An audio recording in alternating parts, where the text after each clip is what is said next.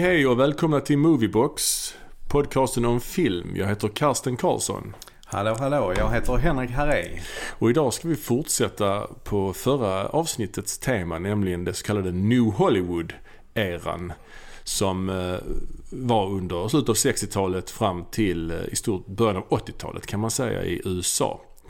Då eh, många regissörer gjorde sina stora filmer. Då eh, regissören eh, sattes i det definitiva förarsätet och fick st större inflytande över filmerna som gjordes. Och det gjordes många filmer av hög kvalitet. Och vi ska prata en del om dessa. Men framförallt så ska vi fokusera på de filmer som blev slutet för den här New Hollywood-eran. Och eh, vi har valt att lägga fokus på Eh, William Friedkins Sorcerer och eh, även den ökända eh, Heaven's Gate från 1980 av Michael Cimino. Som eh, blev den sista spiken i kistan kan man väl säga för den här New Hollywood-rörelsen. Men vi kommer att prata lite grann också om en del av de eh, fantastiska filmer som gjordes under den här tiden. Men jag tänkte vi skulle börja med att eh, fortsätta på eh, ett tema från förra avsnittet, nämligen hur gick det för Dennis Hopper? Just det. Dennis Hopper pratade vi om och han eh, regisserade ju då Easy Rider. Eh, och Easy Rider gjorde ju att Dennis Hopper blev en stjärna över natt kan man säga. Mm. Eh, han hade ju varit verksam i Hollywood eh, ganska långt innan Easy Rider. Cirka tio år tror jag. Uh, och han hade ju spelat in uh, filmer med, han har varit med i två filmer tillsammans med James Dean till exempel. Ja, just det. Och, men, men jag tror att det man inte tänker på, om vi nu pratar om James Dean lite grann. Mm. Det är att James Dean är ju faktiskt en av de första moderna skådespelarna. Så han är ju mest känd som en flickfavorit. Mm. Eller tjejfavorit, eller vad man ska säga. Just det. Men han var ju faktiskt, han införde ju faktiskt ett, en, ny, en ny typ av skådespeleri i Hollywood som man inte var eh, så van vid. Eh, och det är ju då det att han, han kommer ju från Actors Studio som en av de första därifrån. Det var ju bland annat Marlon Brando kom ju därifrån och mm. Montgomery Clift och, och då, då spelade man ju på ett annat sätt. Alltså man, man ville göra det mer äkta, man ville göra skådespeleriet mer levande. Ja, man utgick liksom inte från texten på sidan i manuset. Utan man utgick från, utgick från sig själv. Mm. Precis, och man ville också försöka tillföra något nytt i varje tagning så att man inte gjorde det exakt likadant så att det inte blev repetitivt. Mm. Ehm, och det blev ju Dennis Hopper väldigt eh, inspirerad av det här sättet. Ehm, men han hamnade ju tyvärr med eh, regissörer då som eh, inte alls gillade någon slags improvisation i, mm. i scenerna. Till exempel då Henry Hathaway och, och sådana old school regissörer. Eh, så att han clashade lite där och blev faktiskt bannlyst från, från Hollywood under, de, under det tidiga 60-talet. Mm. Och det var ju på så sätt han hamnade eh, i, ja han jobbade mycket i tv också. Eh, men han hamnade ju i, eh, i Roger Cormans bolag där, AIP. Ja, just det. så att det var ju lite hans bakgrund. Men, men efter Easy Rider så blev han helt plötsligt en stjärna. Både som regissör och som skådespelare. Och det han valde att göra då, det var att hoppa på det här projektet The Last Movie. Eh, som ju var inspirerat av en berättelse han hade hört om en stuntman som spelade in en westernfilm i Mexiko och stannade kvar där. Mm. Och köpte en ranch där han då eh, födde upp hästar och eh, försåg de filmteamen som skulle spela in där med hästar och förnödenheter och annan hjälp med filminspelningar. Ja, just det. Så att det var det som var inspirationen. Sen blev det något lite annorlunda kan ja, man det, säga. Det kan man säga. Han, för han var ju också väldigt inspirerad av franska nya vågen och av Fellini. Just det. Men även av modern konst som eh, Jackson Pollock till exempel.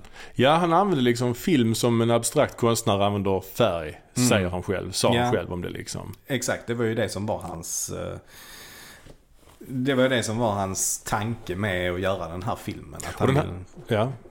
Och den här filmen var ju ganska alltså, hypad, eller det var många som såg fram emot den här filmen eftersom Easy Rider hade varit så stor hit och fick något. Easy Rider fick ju ett specialpris i, i Cannes.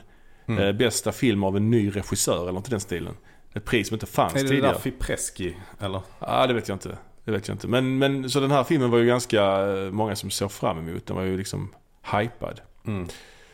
Ja, och, och det gör ju att den här filmen är ju extremt eh, kontroversiell och, och konstnärlig. Ja. Eh, väldigt avantgardistisk. Eh, till exempel så låter han ju vissa sådana här eh, inklippta scener vara kvar. Som till, eller inklippsbilder vara kvar. Som till exempel Missing Scene då. Ja, just Det det. är det ju ganska känt att han låter det vara kvar i själva filmen. Att det, Ja, det händer vid ett par tillfällen att det bara Ja. står 'missing scene' mitt i bilden. Svart, svart ruta med vit text. 'Missing scene'. Ja.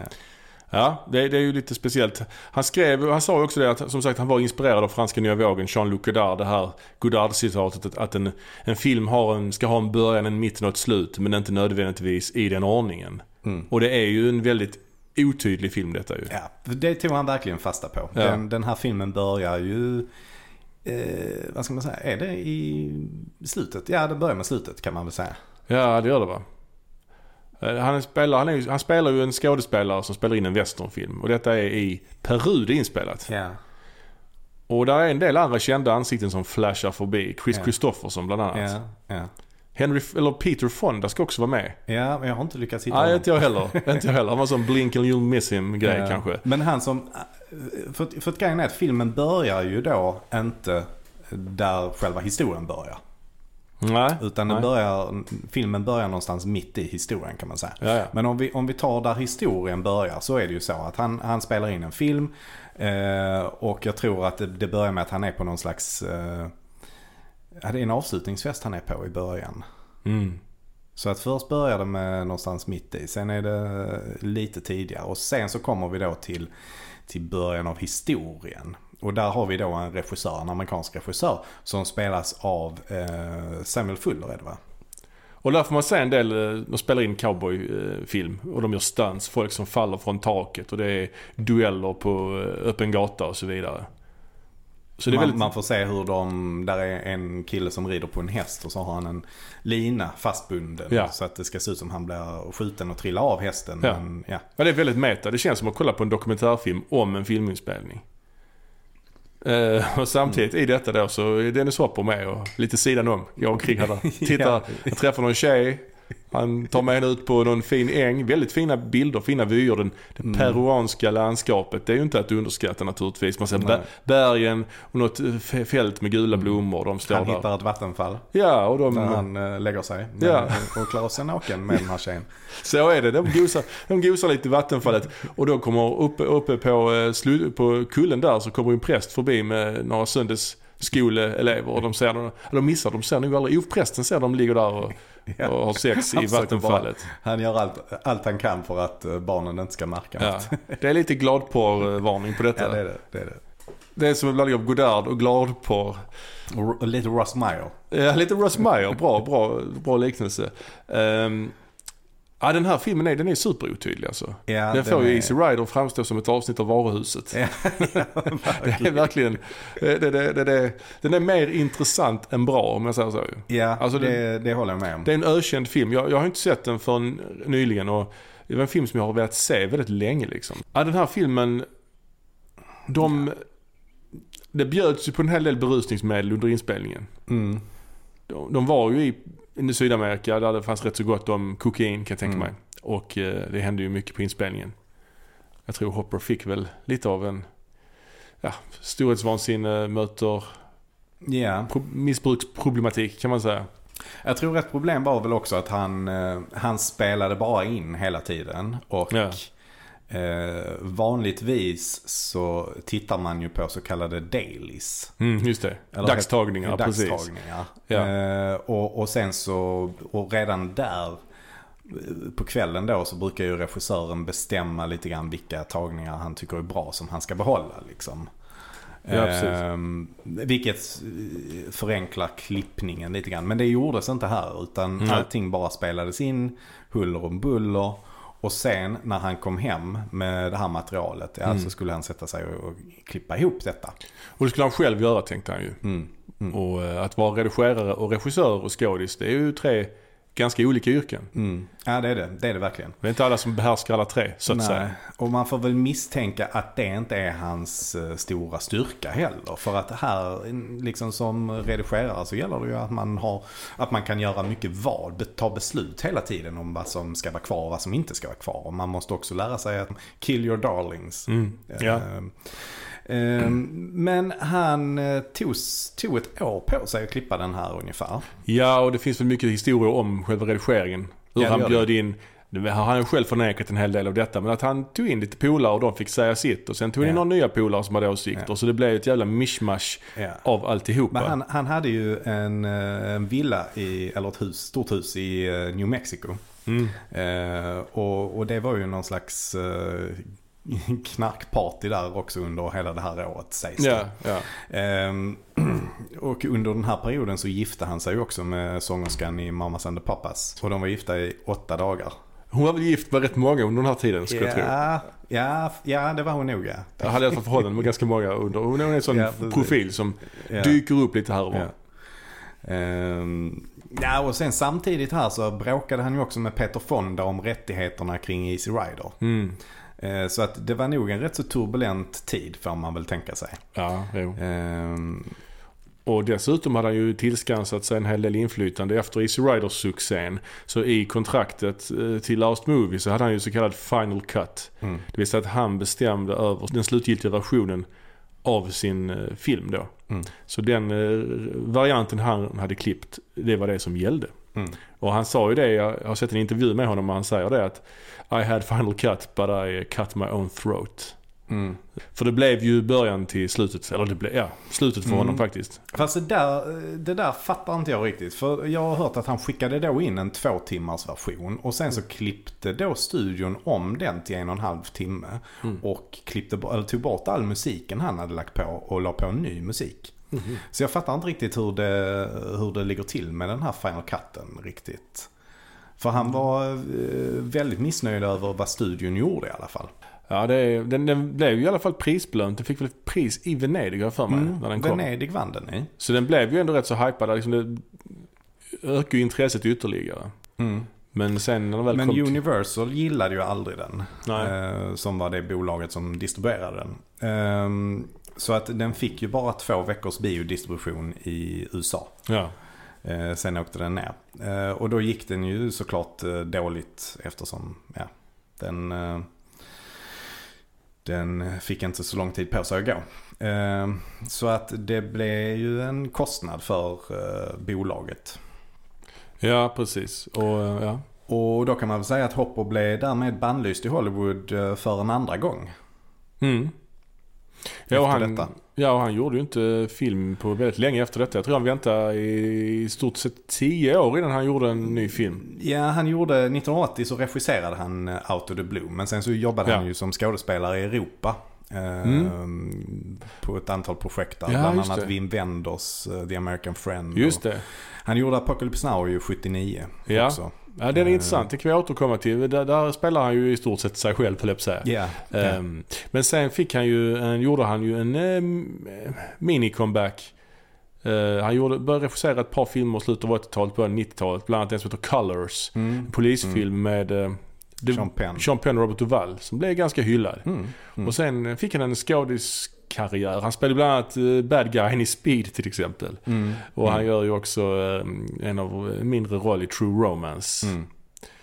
Eh, Jag tror att det som, det som verkligen tog tillbaka honom på kartan var ju i David Lynch eh, Blue Velvet. Just det. Den ja. är han ju ganska... Ja, just det. Den, är han ju, den rollen har han ju blivit hyllad för. Ja, när han står med gas, eh, heter det, syrgastuben där Mm. ja. Just det. Och skriker massa obsceniteter. Ja. Sen har han gjort en hel del skit också senare tid. Han gjorde, senare Ja. åren. Han gjorde bland annat, han är med i Waterworld till exempel, Kevin Ja, Costner. Och eh. Super Mario Bros. Eh, Jaha, film, The Movie. Då spelar han eh, den här onda, alltså Koopa. Jaha. Eh, Bob Ja. Hoskins spelar ju Mario. Jaha. Ja. Ja, men han gjorde, det, jag vet inte om det var det allra sista han gjorde, men han gjorde en tv-version av den här filmen Crash. Jaha, Den gick ju som tv-serie. okej. Eh, och där hade han ju en, och den tror jag fick rätt så bra kritik. Jag har inte sett den, men, Nej, inte jag heller. men det var nog, bland det sista han gjorde. Han gick väl bort 2010 tror jag. Ja, 2010. Men The Last Movie är ju ändå en film att... Uh, man, jag tycker det är intressant att se. Det är mm. ett intressant tidsdokument. Ett dokument över en uh, regissör som går för långt. På mm. sätt. Mm.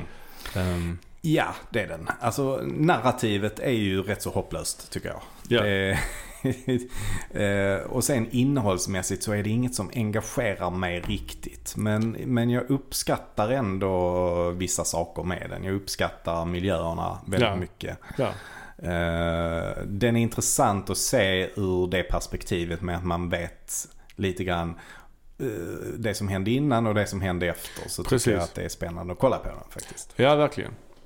Bland annat så slutet så istället för att använda, när de spelar in den här filmen då i filmen så använder de sig av en kamera gjord av eh, grenar. Alltså mm. pinnar. De bygger kameror och... Ut... Av bambupinnar och bambu, Ja precis. Och mick och boom och mm. all kamerautrustning gör de av pinnar. Mm. Som... Och, det, och, det, fattar jag aldrig riktigt vad... Ja, det är art det. det är, abstract art, ja, art kan vi säga. Storyn är ju i alla fall kan man säga att uh, det här filmteamet som kommer då uh, till den här byn i Peru. Mm.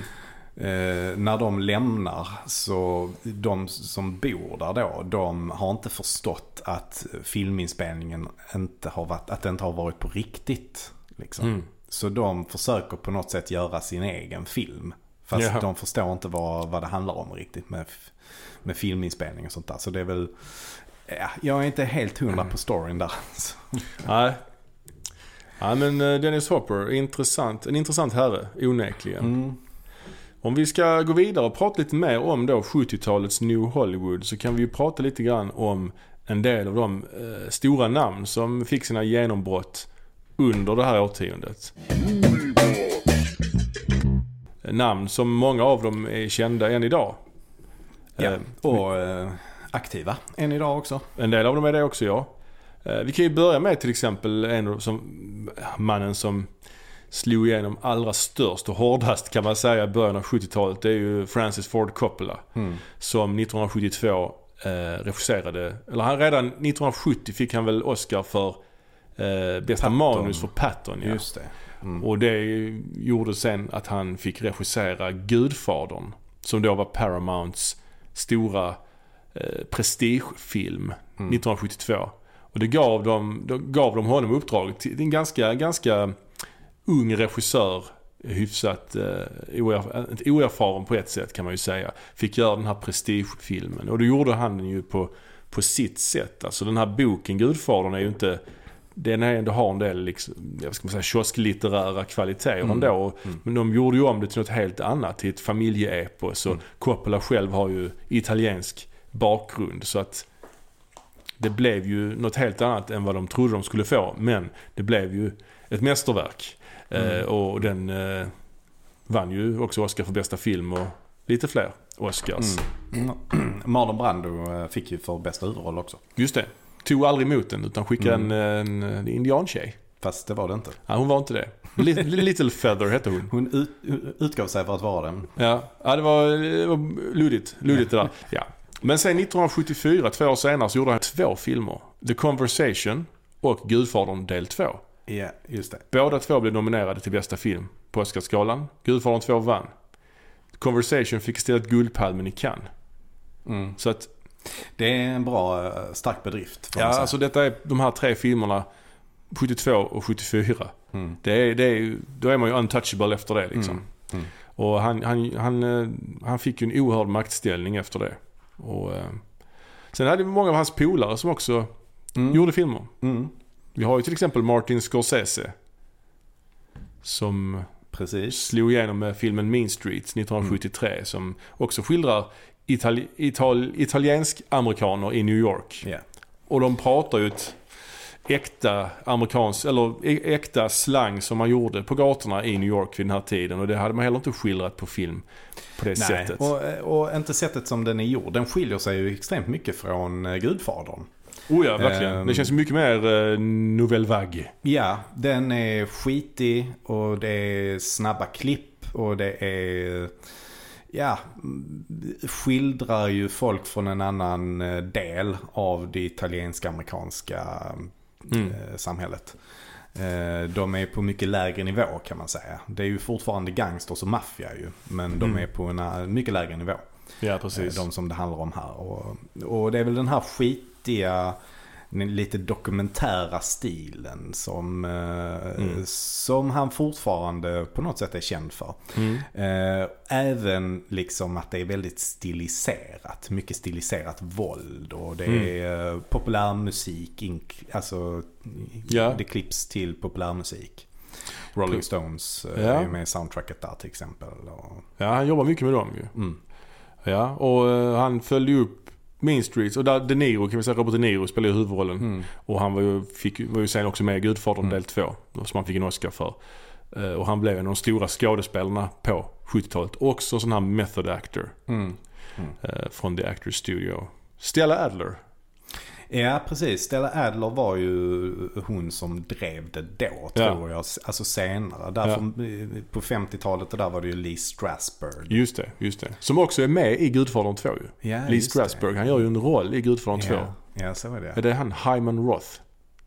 Jag tror det. Ja, det kan det vara. Ja, jag tror han spelar Hyman Roth i Ja. Gudfadern 2. Ja. Ja, det, det, men Scorsese gjorde ju sen en, något av en halvbeställningsjobbfilm kan man säga. Han gjorde den här Alice Doesn't Live Here Anymore på uppdrag egentligen av Ellen Burstyn. Mhm. Skådisen. Är det Hon, eller hon headhuntade honom lite Mm. grann kan man säga. Ja, ja. Och så gjorde han den som också blev en kritikersuccé. Och Mm. efter det gjorde han ju kanske sin mest kända film. ja, det får man säga. Taxi Driver. Ja, 1976. Också Mm. med De Niro i huvudrollen. Mm. Och det är en film som är värd ett podcastavsnitt i sig. Det är det. Men det handlar ju om kortfattat om en Vietnamveteran som kör taxibil och eh, bestämmer sig för att ta lagen i egna händer kan vi Mm. säga. Det man kan säga är att den gick bra både ekonomiskt och eh, kritikermässigt. Ja. Ehm, så att det gjorde ju att han hamnade i en högre position än man var tidigare. För Ja. att alltså Mean Streets var ju fortfarande, får man väl klassa som en independent film. Mm, verkligen. Eh, samma sak med Alice Doesn't Live Here Anymore. Det var Nej. ganska smala filmer som, även om de inte gick dåligt så var det ju inga stora succéer. Men Taxi Driver blev ju det. Ja, och en helt annan typ av produktion också. Mm. och här ser man också intressant just både Coppola och framförallt Scorsese och lite an- andra människor var ju filmnördar. De kallas ju för the movie brats. Bland annat Scorsese. Och där ser man ju i Taxi Driver så har han ju tagit eh, hjälp av en gammal favorit eh, till att göra filmmusiken. Nämligen Bernard Herrmann som Mm. gjorde musiken till Hitchcocks filmer. Ja, just det. Eh, Så att eh, de, de jobbar ju mycket sådär med, med lite kopplingar till filmhistorien. Mm. Och en annan regissör som också var väldigt filmintresserad, som var filmhistoriker, faktiskt filmkritiker lite grann från början. Det var ju en som heter Peter Bogdanovich. Och eh, hans namn är ju inte alls lika känt idag som Coppola och Scorsese. Och det har att göra med hur han valde att lägga upp sin karriär. Men han slog också igenom väldigt stort i början av 70-talet. Han var också en, liksom en nostalgiker lite grann, inspirerad av gamla Hollywood, men jobba i det nya Hollywood. Och han, eh, han började också hos Roger Corman Mm. på 60-talet kan jag säga. Han gjorde en film som heter Targets. Mm. Som handlar om en, kortfattat om en, om en man som eh, skjuter ihjäl folk med ett gevär med kikarsikte. Sitter på ett tak och skjuter. Tydliga paralleller till Kennedy-mordet bland Mm. annat. Eh, Men han fick ju också, det var riktigt intressant de gjorde den filmen för att han fick ju ett villkor. Om han skulle få regissera filmen var han tvungen till att ha med klipp ifrån en annan Corman-film. Nämligen en sån här Mm. gotisk skräckfilm som heter The Terror. Ja. Med Boris Karloff och Jack Nicholson. Eh, Så att han var tvungen att ta med klipp ifrån den. Och det gjorde han också. Mm. Så han har ju med, han hade också tillgång till Boris Karloff. Eh, han hade tillgång till Boris Karloff i en dag. Så han, han kunde använda honom en dag eller något sånt. Så han gjorde några scener med honom. Att han spelade en gammal skådis. Och sen klipp, eh, footage från den här filmen The Terror är med som en film i filmen. Så de kollar på så drive-in bio för mig. Men han slog igenom med den i alla fall. Och det, många säger att det är den bästa Corman-filmen liksom. Den är Mm. riktigt bra. Mm. Ehm, Men det gick väl inte så bra för den? Eh, Nej, det var ju trots allt bara en, så att säga, en Roger Corman-film. Så det var Ja, ju och, sen så blev det väl också det att eh, Bobby Kennedy eh, som blev skjuten där. Ja. Eh, och då samtidigt som den skulle gå upp. Så att den, den blev väl också inte särskilt framgångsrik. Nej, han, den hade lite otur där ju med tajmingen. Och det kom, han det- återkommer i hans karriär längre fram faktiskt. Men han fick ju sen då göra eh, filmen The Last Picture Show 1971. Som blev en kritikersuccé och eh, många hyllade den som den bästa filmen sen Citizen Kane, sa någon. Det håller inte jag riktigt med om. Men Nej. jag kan kortfattat, han, det utspelar sig på 50-talet. Så han gör en film på 70-talet. Men att lä- lägga den, ut- utspelar sig på 50-talet och han gjorde den svartvit. Mm. Så, och det utspelar sig i Texas, i någon liten Mm. by. Och vi har Jeff Bridges med och Sybil Shepherd. Precis, och just Sybil Shepherd är intressant där för han inledde ju ett förhållande med henne. Mm. Eh, han var otrogen med henne och använde sig sen av henne i fler filmer. Mm. Mm. Eh, Och hon är även med i Taxi Driver. Just det. Eh, Så att eh, Last Picture Show blev en hit. Och det var liksom hans John Ford-film. Mm. Sen skulle han göra en Howard Hawks-film och då gjorde han filmen What's Up Doc. What's Up Doc. Just det. Med, Eller- med Barbara Streisand va? Barbra Streisand och Ryan O'Neill. Ja, Och intressant det här. Du kan, vet du vad den svenska titeln är förresten? det. Eh, I... Vad är det? Ingen fara på taget? Nej, det är inte ingen Goddag yxskaft. Goddag yxskaft är Ja. det, just det. Det är en så kallad screwball comedy. Så det är liksom en hyllning till... Men Ingen fara på taket Ja. är en screwball-komedi. ja, okej. Vet du vad den heter då? På, eh, På engelska? ja. Nej? Bringing Up Baby. Ja, det är den. Okej, okej. Grant. Ja, och det ligger i blodet. Det är ju His Girl Friday. Just det. Just Ja. det. Ja, det är svåra titlar. Men just den här, han var ju som sagt en nostalgiker och tittade hela tiden bakåt i filmhistorien. Så att den här eh, What's Up Doc, varken Streisand eller O'Neill tyckte ju, de, han visade ju Bring Up Baby eller någon sån film för dem för att, som Mm. inspiration. Men Mm. de tyckte inte det var kul liksom. Nej, nej. Men, och de var ju oroliga liksom, att deras karriärer skulle gå åt helvete efter det här. Mm. Men det blev ju en stor succé. I reklamkampanjen så poängterar man hela tiden att detta är en komedi. Sådana här komedier görs inte längre. Mm. Och så screwball comedies, remember those? Och mycket sånt hela tiden. Titta tillbaks hela tiden. Eh, så att, eh, a crazy comedy the way they used to make them. Mm. Men det blev en stor hit.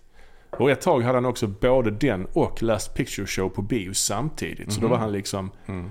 han sa det att det var höjdpunkten av hans liv typ. Mm. Mm. Och sen lyckades han göra en film, en hit till, en tredje. Eh, tredje gången gilt. Så gjorde han filmen Paper Moon Mm. året efter, 73 då. Också svartvit. Utspelar sig på 30-talet istället. Mm. Så det är också återigen bakåt, eh, titta bakåt. Och det är med Ryan O'Neill igen. Han spelar någon slags bondfångare som ska ta hand om en liten flicka. Flickan spelas av hans riktiga dotter då, eh, Tatum O'Neill. Och hon fick ju då Oscar eh, bästa kvinnliga biroll. 10 år gammal, yngsta någonsin.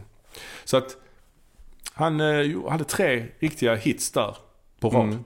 kan man säga. Kontentan av New Hollywood var ju att regissörerna fick en oerhörd makt över filminspelningarna. Och det gick så långt så att tre regissörer, Coppola, Bogdanovich och William Friedkin, de eh, bildade det så kallade Directors Company. Vilket innebar att Paramount Pictures lät dem få göra vilken film, vilka filmer de ville. Så länge de höll sig inom en budget på 3 miljoner dollar. Vilket var ganska mycket på den tiden. Och då valde Coppola gjorde då som sagt The Conversation som blev en stor succé rent kritikermässigt i alla fall. Eh, Bogdanovich gjorde Paper Moon.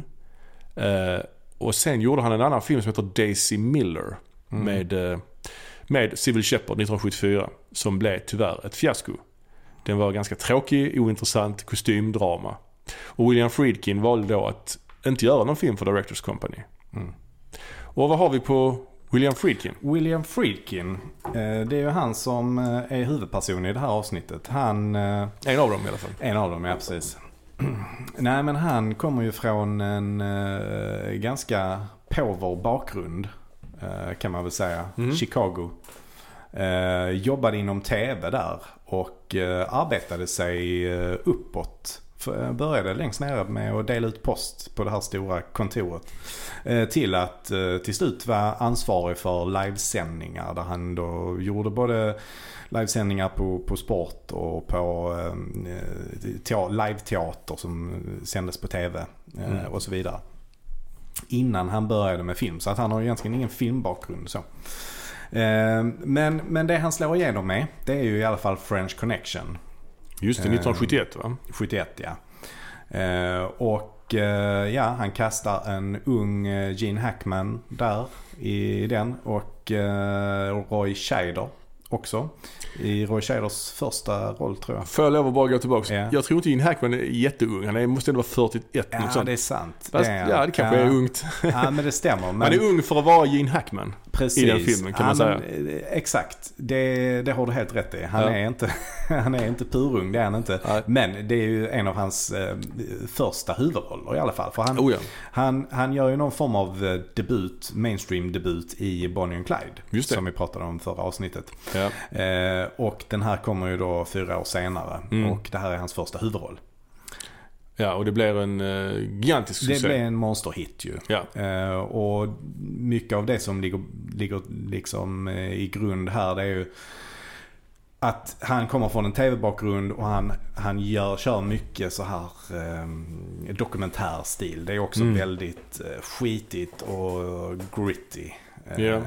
Och, och eh, den är ju också väldigt känd för den här biljakten då. precis under tågspåret. Så tågspår Ja. som går ovan, ovanför gatorna. Precis. Och, och där var de ju då inspirerade av filmen Bullet som kom eh, några år tidigare, 68 kanske eller någonting sånt, med Steve McQueen. Ja. Eh, Steve McQueen var ju också en favorit eh, till eh, William Friedkin. Eh, Fast de jobbar aldrig ihop. nej, det gjorde de inte. det är aldrig så. Nej. Eh, men men eh, de var inspirerade av den och eh, William Friedkin var fast besluten av att klå den eh, biljaktscenen. Mm. Eh, att göra den bättre. Så det han gjorde var ju, och den är ju inspelad i New York. Mm. Och det är ju liksom de, de spelar in i location och de hade ju inte stängt av några gator eller Mm. någonting sånt. Så att den, den är ju helt galen i jämförelse. Och han berättade lite där att han fick muta en, en polisman för att få tillstånd till att göra det. Eh, Så att Mhm. det var ju inte helt gjort enligt reglerna. Men, men, Mm. men det var ju en, han ville ju inte göra det. Det hade ju aldrig kunnat göras på det viset i, i, i Hollywood. Utan eh, det här var ju gjort utanför studiorna. Ja, och det känns väldigt, också väldigt nya vågen. Mm, liksom. Verkligen, verkligen. Eh, och, ja, och den blev ju en kritikersuccé. Och Mm. Oscars vinnare ju. Mm. Bästa film, bästa regi, bästa manliga huvudroll. Mm. Kanske någon till, jag vet inte. Eh, Precis. Det finns ju någon eh, sån liten berättelse om när William Friedkin kommer ut, ut och åker bil. Mm. Och så stannar han, jag vet inte, alltså stannar de vid rödljus och så i bilen bredvid sitter Coppola. Och i Mm. bilen på andra sidan sitter Bogdanovich. Just det. Och så börjar de skrika till varandra. oh, Oscar för bästa film. Och så skriver han, skriker ja. Coppola. Ah, min film är mest framgångsrika någonsin. Och ja. Bogdanovich säger att Last Picture Show bästa sen Citizen Kane. Ja. Det är sjukt. Ja, precis. Sjuk, ja, sjuk det, är, det är en historia som kommer från den här boken eh, Easy Riders Raging Bulls. Just det. Easy Riders Ranging Bulls av Peter Biskind som är en, av de bästa böcker jag läst. Nästan Ja. säga. Alltså det handlar just om den här New Hollywood-eran. Där är många sådana goa historier. Så har man inte läst den så kan jag verkligen Mm. rekommendera att man gör det. Mm, ja, den är bra. Ehm, ja, men han följer i alla fall upp den här succén då med eh, Exorcisten Just det. 73. Monsterhit. Mm. Och den, där, var, där kom ju initiativet kanske inte lika mycket från hans eh, håll tror jag. Utan det var ju författaren då, William Mm. Peter Blatty, som eh, har skrivit den här boken och ville göra film på den. Eh, och han var väl producent tror jag, så han hade rätt mycket att säga till om. Ehm, William Friedkin ville ju kasta Roy Scheider som den yngre prästen. Mm. Men eh, det, där sa Peter Blatty tvärt nej. Han, Mm. han tyckte inte att Roy Scheider var tillräckligt, eh, vad ska man säga, han kändes inte tillräckligt, eh, jag vet inte, att man, att man inte skulle gilla honom lika mycket. Han var inte sympatisk. Sympatisk, ja Jaha. exakt, sympatisk ja. ja. Aha, jag tycker han är supersympatisk Mm. i Jaws till exempel. Visst är han, Ja, visst är han.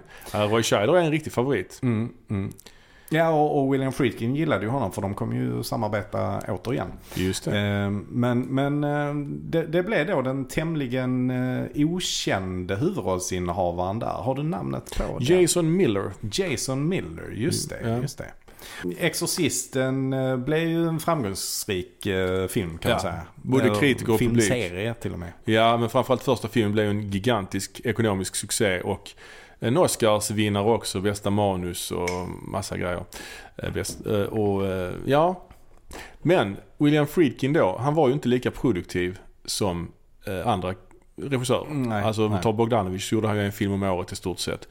Utan han väntade ju då och eh, han gjorde ju som sagt Connection, French Connection och eh, Exorcisten Sen tog han lite tid på sig till sitt nästa projekt. Och eh, han har själv sagt att han, eller någon har sagt att han drabbades av en too much too soon disease. Det vill Mm, säga att han fick mm. alldeles för mycket succé på en gång. Mm. Så hans nästa film, som vi ska prata om, blev ju då, ja, det blev slutet för honom kan man säga. Ja. Och det är ju då filmen Sorcerer från 1977. Svenska titeln Fruktans lön. Just det. Och det är samma titel som eh, den filmen som är baserad på samma bok. Som, eh, som den här då. Den heter ju, det finns ju då en fransk film Ja. från eh, 53. Eh, som också heter Fruktans lön på svenska. La Salière de la Peur. Oh, fint. Snyggt. Jag tror det heter det. I regi av eh, Georges-Henri Clouseau. Clouseau. Ja. Mm. Eh, starring Yves Montand. Just det, just det. Som var då någon slags flickidol. Ja, precis. Och här tog han då istället Roy Scheider i sin film. Ja. Han var väldigt noggrann med att poängtera att detta inte var en remake på Mm. Clouseaus film. Alltså jag har inte sett Clouseaus film på 20 år. Men eh, jag tycker Sorcerer är ju en sån här ökänd film. Jag tycker det är en intressant film. Den är, det är intressant för man vet att den innebar så mycket negativt för Friedkin som regissör. Hade han inte gjort den här filmen hade han kanske varit lika känd som Scorsese Mm. är idag. Finns Mm, ju, finns, mm. alltså, det finns ju en möjlighet för det. Nu är han ju bortglömd för de breda, de breda massorna. Ja, det är han. Det är han. Precis som Absolut. Bogdanovich är till exempel. Ja. Eh, Men filmen... Men jämför man honom med Bogdanovich så har han ju varit mycket mer aktiv. Och gjort mycket Ja. mer ändå okej grejer. Eh, Oh ja, oh ja, verkligen. Eh, Bogdanovich har ju inte gjort någonting riktigt eh, vettigt. nej, nej. Han har ju med varit skådis faktiskt. Han är med i Sopranos bland annat Mm, ju. Precis. Eh, men, men i alla fall, den här filmen Sorcerer. Också Mm. en märklig titel ju. ja, det är jättemärkligt. Man tror ju kanske när man ska veta att det är regissören bakom Exorcisten. Och så heter nästa film Sorcerer då tänker man att det kanske ska ha någonting med trolldom och magi att göra. Ja, ju. något övernaturligt bör det ju Precis. vara, tänker man. Men han tog titeln från en Miles Davis-platta. va? Ja, precis. Som han lyssnade på i stunden. Ja. Och så bara bestämde han sig för att döpa filmen till Sorcerer. ja. Och vet du vad Sorcerer i filmen är då? Ja, det är ju den här, en av de här lastbilarna då. Ja. Inte den lastbilen som huvudpersonen kör dock. Utan Nej. den andra Ja, lastbilen. just det. Så det är ju supermärkligt ju. Ja, ja. Ja. Och då är vi lite grann inne på handlingen här också. Ja. Så att då kan vi ju dra handlingen lite snabbt. Och det är ju då att eh, vi, vi, vi introduceras för fyra personer. Eh, som då hamnar i, är det i Mexiko de är eller? Är det, är det Veracruz de är i? Det, inspel- det utspelar sig i ett fiktivt sydamerikanskt land. Men det är inspelat på den Dominikanska republiken. För det var nämligen så att han, chef för, Par- chefen för Paramount. Charlie Bludorn, som var någon slags galen han, österrikare. Han, han, han ägde ju ett bolag som i sin tur ägde Paramount. Som hette Gulf, West, Gulf Western. Ja, och Gulfen Western ägde i sin tur Dominikanska republiken, typ. Ja, Alltså, han- han- han var- de hade han var- jättemycket industrier där. Ja. Så att han, han, eh, han hade de rätta kontakterna på Dominikanska republiken. Ja. Ja men som sagt, det handlar om fyra personer. Fyra eh, outcasts kan man säga. Ja, en ja. terrorist. Mm, En- en, en terrorist då. Ja, I Israel då. Mm. Någon slags... eh, Som spelas av den uh, marockanske skådespelaren Amidou. Eller Aminu. Nej. just det, han har bara ett namn. Ja, Precis som ja. Cher. Ja, Eller Topol. ja precis. Eller Morrissey. han, han är ju ganska, eh, han var ju ganska välkänd i Europa. Gjorde mycket franska filmer. Ja men precis. Eh, sen så har vi då eh, en eh, fransman. Mm. Eh, som, ja... eh, Svindlare kan vi kalla En dem. svindlare kan man väl kanske säga. Ja. Eller inte svindlare, det är egentligen lite fel. Han är, han är en... han är väl någon slags vd tror jag för ett bolag där han förskingrar pengar. Ja, egentligen. förskingrare. Ja, Kanske är rätt, rätt titel. Ekonomisk brottsling kan En man säga. brottsling helt enkelt. Mm. Ja. Eh, den, här, den här firman som han jobbar på den ägs då av hans eh, frus eh, far. Eh, och eh, det här uppdagas då att han har förskingrat pengar och ja, det leder då till att han måste fly landet och hamnar då i den här icke namngivna sydamerikanska staten. Just det. Sen har vi en yrkesmördare också. En yrkesmördare som introduceras lite snabbt för. Eh, Ja, han är inte med, alls mycket, han är inte med lika mycket i Nej, han början. får inte alls ett lika Nej. stort intro som de andra. De andra har Nej. nog ändå en 5-10 minuter var. Ja. eh, Där de blir introducerade. Och fransmannen pratar franska. Och, och så vidare. Det är ju på Mm. originalspråk allting. Alltså här inledningen av filmen är ju inspelad i fyra olika länder. På tre olika kontinenter. Mm. Så man märker att den här filmen var jävligt dyr. Mm. Utspelar sig ju i Paris, Mm. Israel, Mm. New Jersey och i Mexiko. Mm. Och så har vi, jag har Roy Scheider då i New Jersey som är en slags rån, bankrånare. Eller han rånar en kyrka va? Ja, precis. Det är en kyrka där det pågår någon slags eh, penningtvätt i källaren. Ja, ja just det. Och under det här rånet då, han, han är ju egentligen mest där för att vara eh, flyktchaufför då. Alltså flyktbilschauffören. Precis. Eh, men under det här rånet så går det fel och en präst då blir skjuten och den här prästen eh, visar sig ha maffiakontakter. Så det gör då att maffian är på jakt efter Roy Scheider. Och det är bara Mm. Roy Scheider som klarar sig från det här rånet. Ja, det är väldigt blodigt där de skjuter. Mm. Skottlossning på gatan och en bilkrasch och grejer. Men redan i introt här, den första vi introduceras för, är ju den här eh, eh, lönnmördaren. Ja.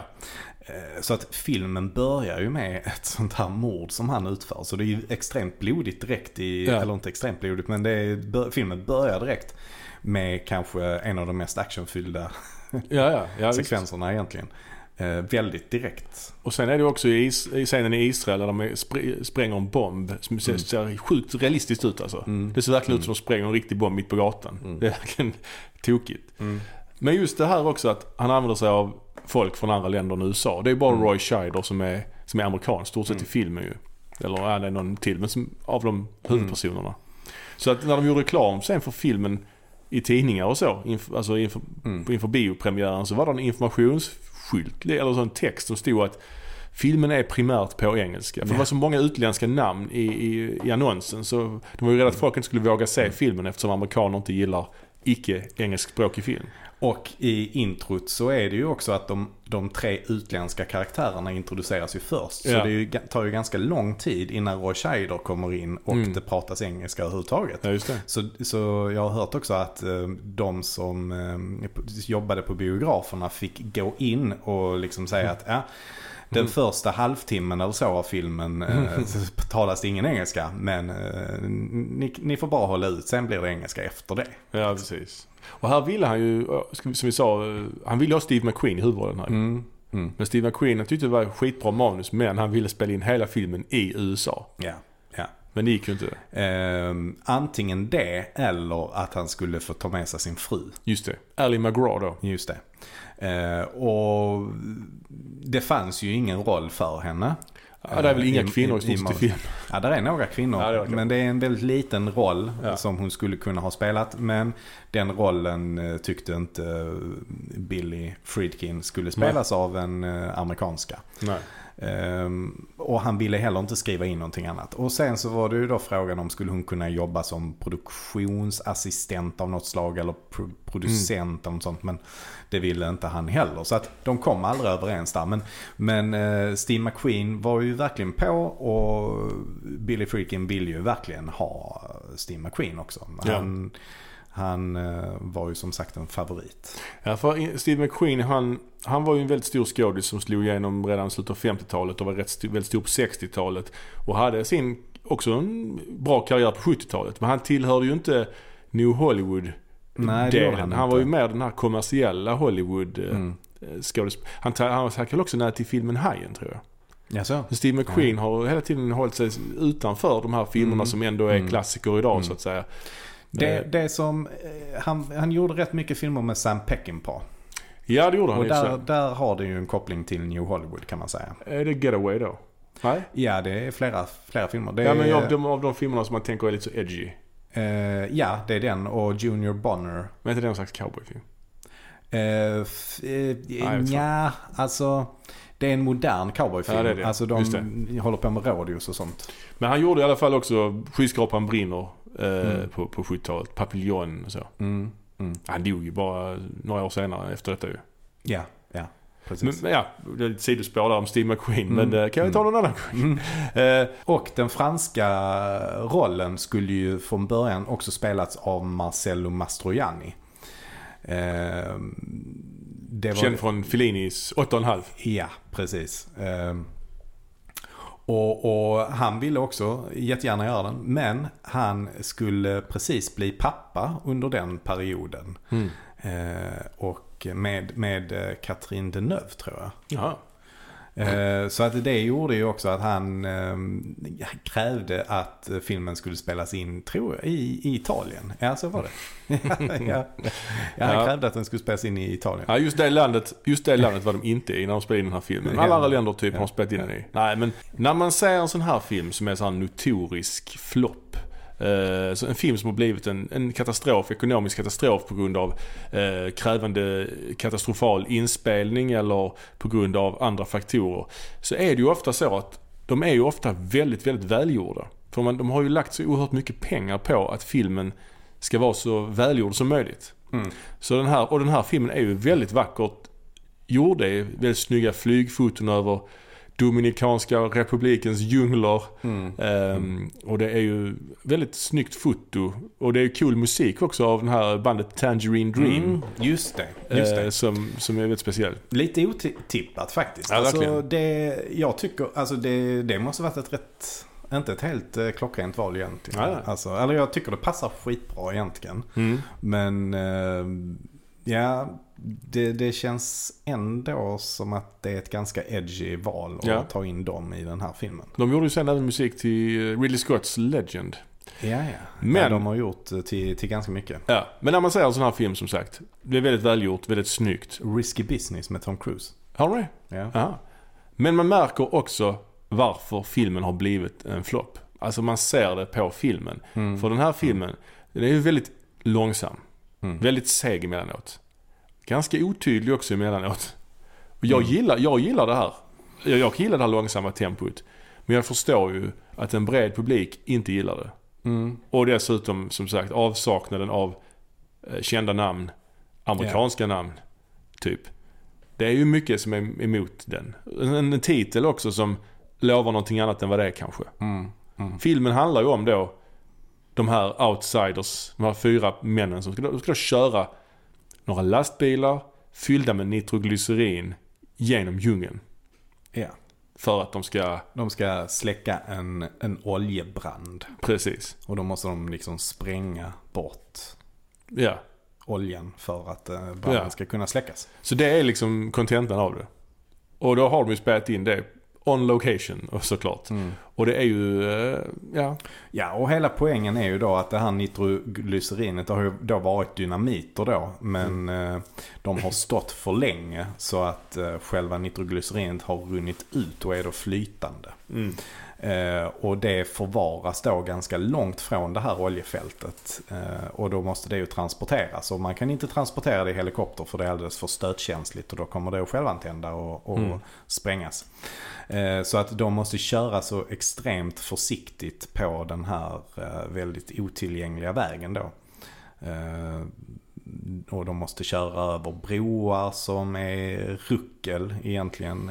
Ja. Helt mörknade broar. Det är väl filmens häftigaste scen egentligen. Just när de ska köra över den här jävla hängbron i stort sett med den här Ja. jättelastbilen. Ja, Väldigt precis. snygga lastbilar också tycker jag. Mm, de är häftiga. coola. Ja. De är coola. Nej men där är ju, där är ju ett par, där är ju ett par sådana såna scener som är väldigt spännande tycker jag. Det börjar ju med att de kör över en vanlig träbro då. Ehm, Men träet är så mörket Mm. så att det, ja, det går sönder medan de kör över det. Ja. Eh, och sen så kommer de då till den här hängbron och det är ju, det är ju helt sjukt att de har gjort det på riktigt. Mm, också. verkligen. Alltså att den här stora tunga lastbilen verkligen kör på den här hängbron. Ja, och naturligtvis när man spelar in en film så måste man ju ta flera tagningar ur flera olika vinklar. Så de har ju gjort det flera, flera gånger ju. Mm. För att det ska Mm. fastna på film så att säga. Ja, det är extremt snyggt gjort tycker Mm, jag. Och jag tycker det är fruktansvärt spännande också hela tiden. Alltså, när de kör. Ja, ja okej. Ja, när de kör. När de på kör. bron. Typ. Introt, introt var, det, då ska vi veta att det har väl gått en timme av filmen innan de sätter sig i bilarna tror jag. Ja, det har du säkert. De är, de är ju den här lilla stad, byn i djungeln också innan de, innan de får ju uppdraget. De Ja. hänger där lite och så vidare. Precis, där är de ganska länge. Ja, Och- händer inte jättemycket där. Nej, det gör det inte. Och, och det som jag kanske tycker är lite problemet är att vi lär aldrig riktigt känna dem heller. Nej. Verkligen, så är det ju verkligen. Möjligen Roy Scheider lite grann, men inte mycket mer än att vi vet hans Ja, bakgrund. det är väl också mer att vi känner igen honom eftersom han är Roy Scheider. Ja. Så blir det lite Ja. grann att man någonstans relaterar till honom lite mer kanske. Mm. Mm. Eh, Men den är också väldigt märkligt gjord. Vissa scener i filmen klipper han han avslutar vissa scener alldeles för tidigt innan de ens är färdiga. Liksom. Det, Mm. det är i sig, det, det, det är i sig inte konstigt men att, att avsluta en scen innan den är slut så att säga. Men här gör han det väldigt, väldigt tidigt. Mm. Innan det ens har, scenen har nått sin poäng ibland Mm. faktiskt. Mm. Och det är ett väldigt märkligt eh, grepp. Kan jag tycka. Mm. Ehm, ja, Ja, men det är det. Men de stöter på olika hinder. De, de eh, måste också spränga bort ett träd vid något tillfälle. Eh, och då använder de nitroglycerinet för att spränga bort det. och det är också en väldigt utdragen scen. Ja, det är det. det, är Eftersom de måste vara så försiktiga det. Ja. så måste de, ja, det tar rätt lång tid. Samtidigt så är den jäkligt spännande. Ja, det så jag, jag ja. tycker inte det gör något att de scenerna är utdragna. För att där tycker jag faktiskt att han eh, gör ett bra jobb alltså, med att hålla spänningen uppe. Mm.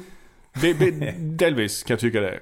Eh, han var ju, Friedkin här återigen, han hade ju en oerhörd makt vid den här tiden. Han hade två, Ja, två han, jätte... var, ju- han var ju untouchable Ja. efter, efter Exorcisten och Ja. French Connection. Han hade två hits och han kunde göra vad han ville och han gjorde också lite grann vad han ville och gick Mm. fullständigt över budget ju. Mm. Han trodde ju den här, den här filmen var egentligen tänkt att bara vara en liten, liten mellanfilm. Han skulle egentligen göra en annan film efter detta som skulle handla om eh, Bermuda-triangeln. Mm. Som skulle heta Mm. The Devil's Triangle. Som skulle vara mer en storfilm. Det här skulle vara Mm. hans lilla, en liten film han skulle göra mellan två storfilmer. Mm. Men den här filmen svällde ju något så oerhört och blev superdyr. Mm. Men den här tidens mått mätt, jag tror den, det gick väl på över 20 miljoner dollar har jag för mig. Eh, och eh, Mm. Och det är ju långt över eh, ja. snittet. Och han visade ju en, en, en, en cut för några studiochefer. Och Mm.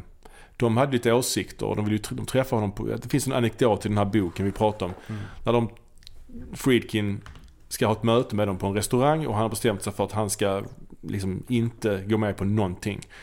Så han, för det första klär han sig någon slags overall, en sån här som målare på sig. Jaha. Med färgfläckar på. Jaha. Och så går han in och beställer in en flaska vodka, en sån som man dricker direkt ur flaskan. Han drack ju inte så mycket på riktigt men Nej, det gjorde han inte. Han, han var ju också en av de få som inte alls höll på med droger. Ja, precis. Men här väljer han att, att dricka vodka direkt ur flaskan. Ja, ja. Och då har de lite synpunkter på hans, eh, den här första rough cutten eller så. Ja. Att till exempel att man aldrig liksom förstår hur långt de har kört, hur länge de har varit ute med lastbilarna och så.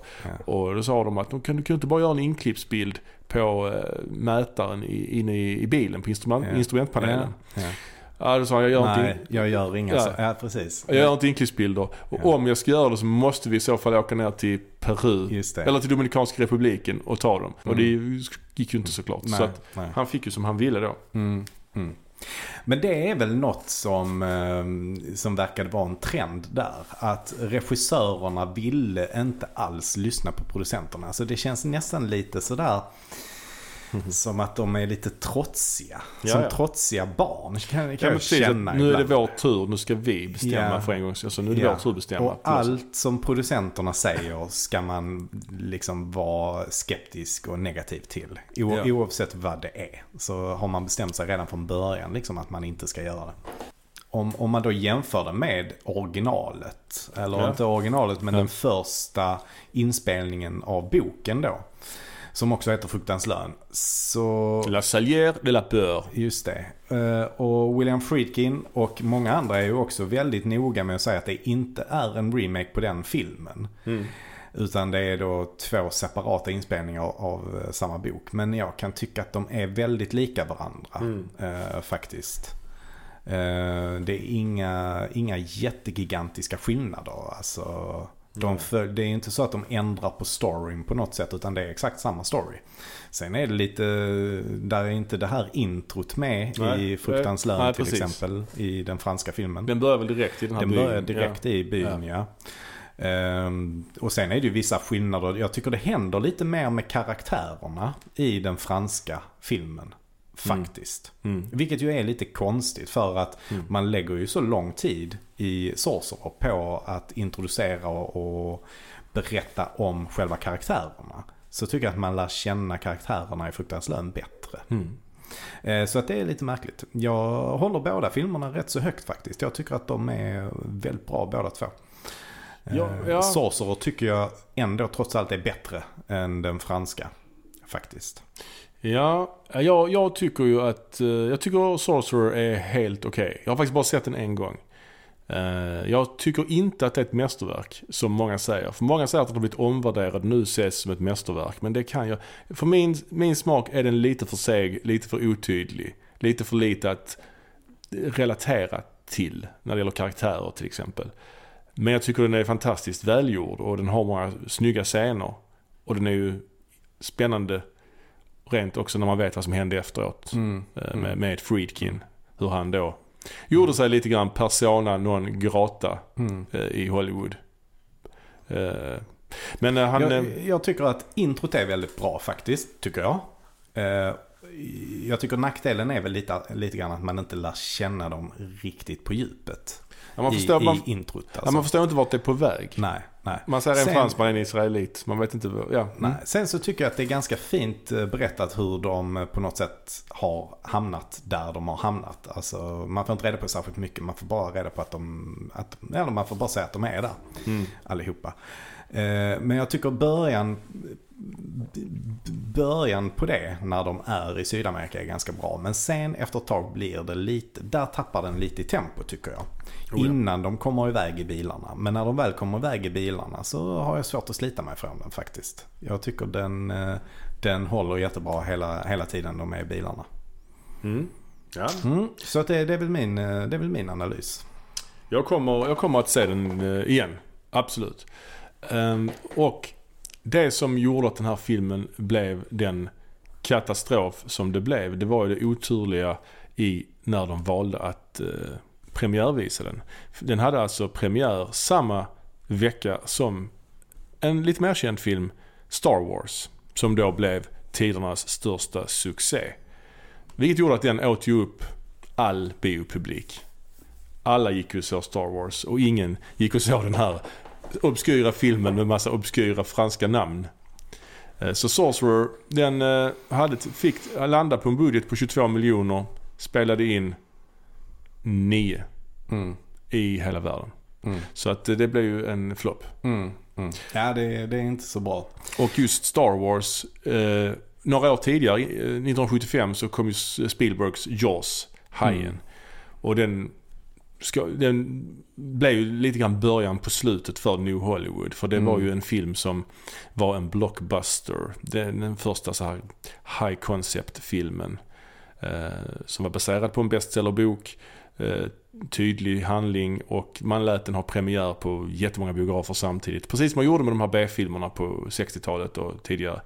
Så att den spelade in oerhört mycket pengar. Den spelade in, något som, spelade in så här 500 miljoner dollar eller något i den stilen, vilket var Mm. helt unheard of. Och Star Wars kom sen två år senare och blev ännu större succé. Och då blev det ju så eh, början på slutet att då började producenterna lära sig vad folket ville ha.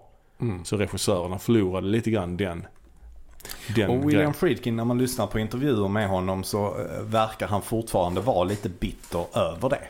Mm. Han gillar ju inte den typen av filmer själv. Han Nej. tycker ju att det är serietidningsfilmer. Alltså han tycker Ja. att det är något, det är inte värt lika mycket som det han själv höll på med. Och det är ju serietidningsfilmer som är i dagens filmer. Som, alltså för det är ju den här typen av high concept film som gäller än idag. Och den bitterheten ser vi ju bland det här gänget fortfarande. De kritiserar Ja. ju Marvel-filmerna till exempel. Tycker inte Ja. att det är cinema. Ja, Scorsese exempel. var ju inne nu på Joker också och kritiserade den lite grann. Ja. Och Marvel Ja, naturligtvis. och Brian De Palma har gjort det och Ja. Coppola och, så. så att, ehm, Men Spielberg har inte gjort det. nej, nej, nej, Spielberg har inte gjort det.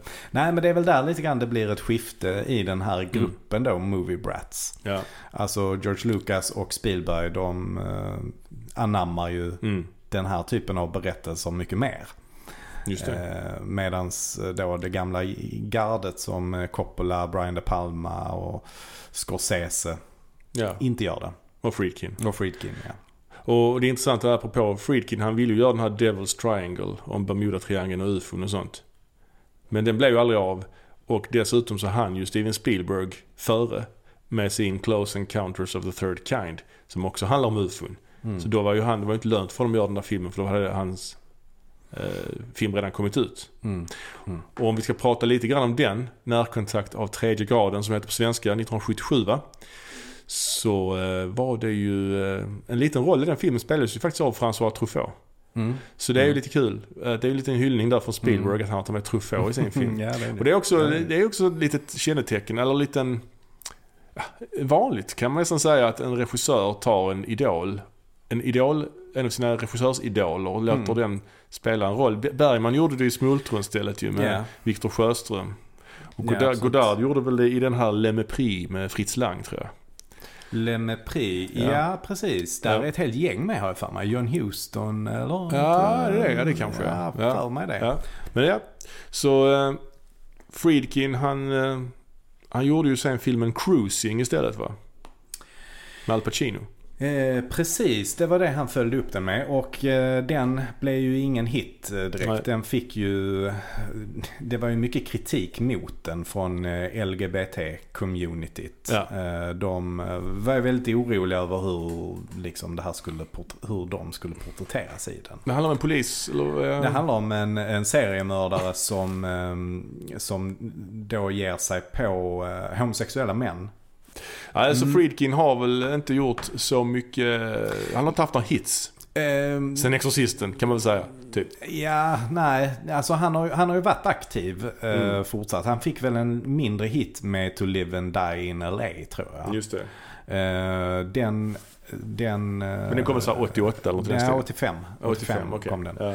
Eh, sen så har han ju ändå varit aktiv ända fram tills för en eh, tio år sedan ungefär. 2011 så Mm. gjorde han sin senaste film. Ja. Men, men eh, under hela den här tiden så har han ju ändå spelat in film. Han gjorde ju en film som heter Jade. Ja. Med David Caruso bland annat Ja. och Linda Fiorentino. Ja. Eh, som- Rules of Engagement har gjort en som heter tror jag. Just det, just det. Så att han har ju ändå Bug. gjort en hel del saker. Ja, sen gjorde han ju då Bug. Och det är väl det han eh, liksom har fått ett litet uppsving med nu på senare tid. Mhm. Han gjorde Bug eh, omkring där 2006 tror jag. Ja, okej. Eh, och sen gjorde han eh, Killer Joe 2011. Och de två filmerna är ju baserade på pjäser av Tracy Letts. Ja, ja. Eh, väldigt hyllad eh, pjäsförfattare och skådespelare. Eh, de här två, jag tycker framförallt Bug är en eh, jättebra filmatisering. Mhm. Alltså av Mhm. pjäsen. Jag har inte sett pjäsen men jag tycker den är riktigt bra. Och en av Michael Shannons eh, bästa Ja, ja, ja. prestationer. Det var väl också den han liksom blev stor med kan man säga. Mm. Eller i alla fall kom upp en nivå till Ja. eh, med den. Och sen då i, eh, i Killer Joe eh, så är ju faktiskt det en av de filmerna som gjorde att Matthew McConaughey kunde liksom bryta sin, han var ju, han var ju i ett fack. Ja, alltså liksom. komedifack ja. Han var ju i kärlekskomedifacket eller romantiska Ja, komedifacket under hela sin karriär kan man väl säga. Men så valde han ju att inte göra någonting på två år och då kom han tillbaka och gjorde Killer Joe. Eh, och så gjorde han den här Mud och han gjorde lite andra Mm. grejer. Han gjorde Lincoln Lawyer. Mm. Alla de gjorde han ungefär samtidigt där. Ja. Mycket mer seriösa och dramatiska filmer. Ja. Vilket sen ledde fram då till att han kunde göra Dallas Buyers Club och Ja, eh, True Detective. Interstellar, True Detective. ja, Eh, lite sånt. Ja, eh, och idag är han ju en helt annan eh, skådespelare än vad han var då. Mm, ja. Wolf of Wall Street var han med också. ja. Men, men William Friedkin i alla fall eh, har ändå haft en eh, någorlunda bra karriär efter, detta. Han har ändå lyckats hämta upp det tycker jag.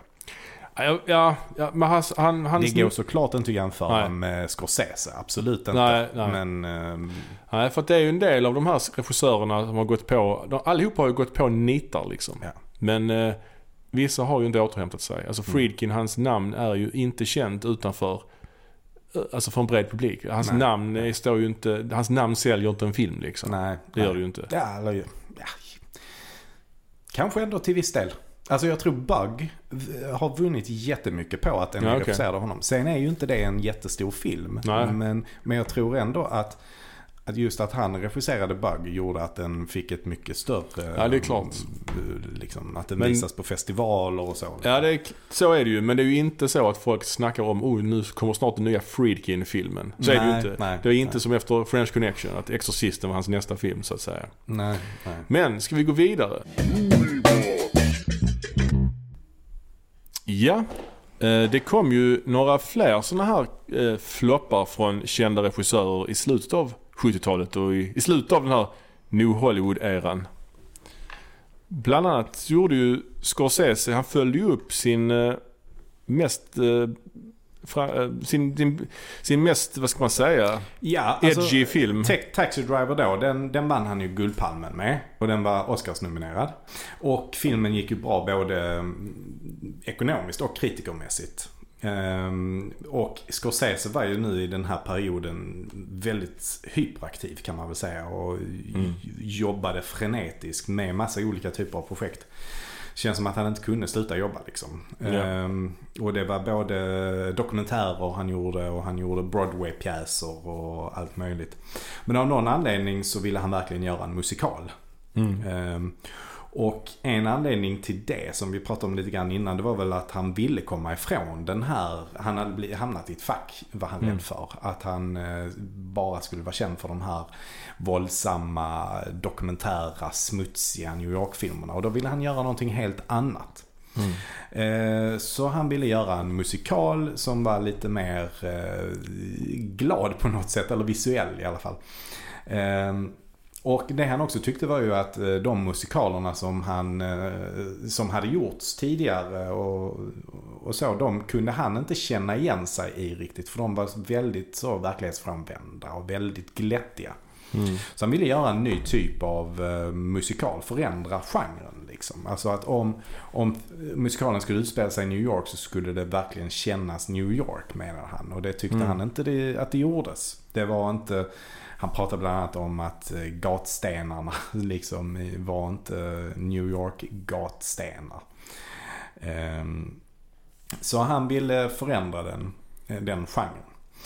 Ehm, Så att det skulle eh, utspelas i New York så skulle det verkligen kännas och se ut som New York. Och då gjorde han filmen som hette just New York, New York. Ja, precis. Med Liza Minnelli och eh, Robert De Niro. Ja. De Niro lärde sig spela saxofon för den här rollen. Ja, så gjorde han Ja. det. Han Ja, är väldigt ambitiös ju. ja, ja det är han.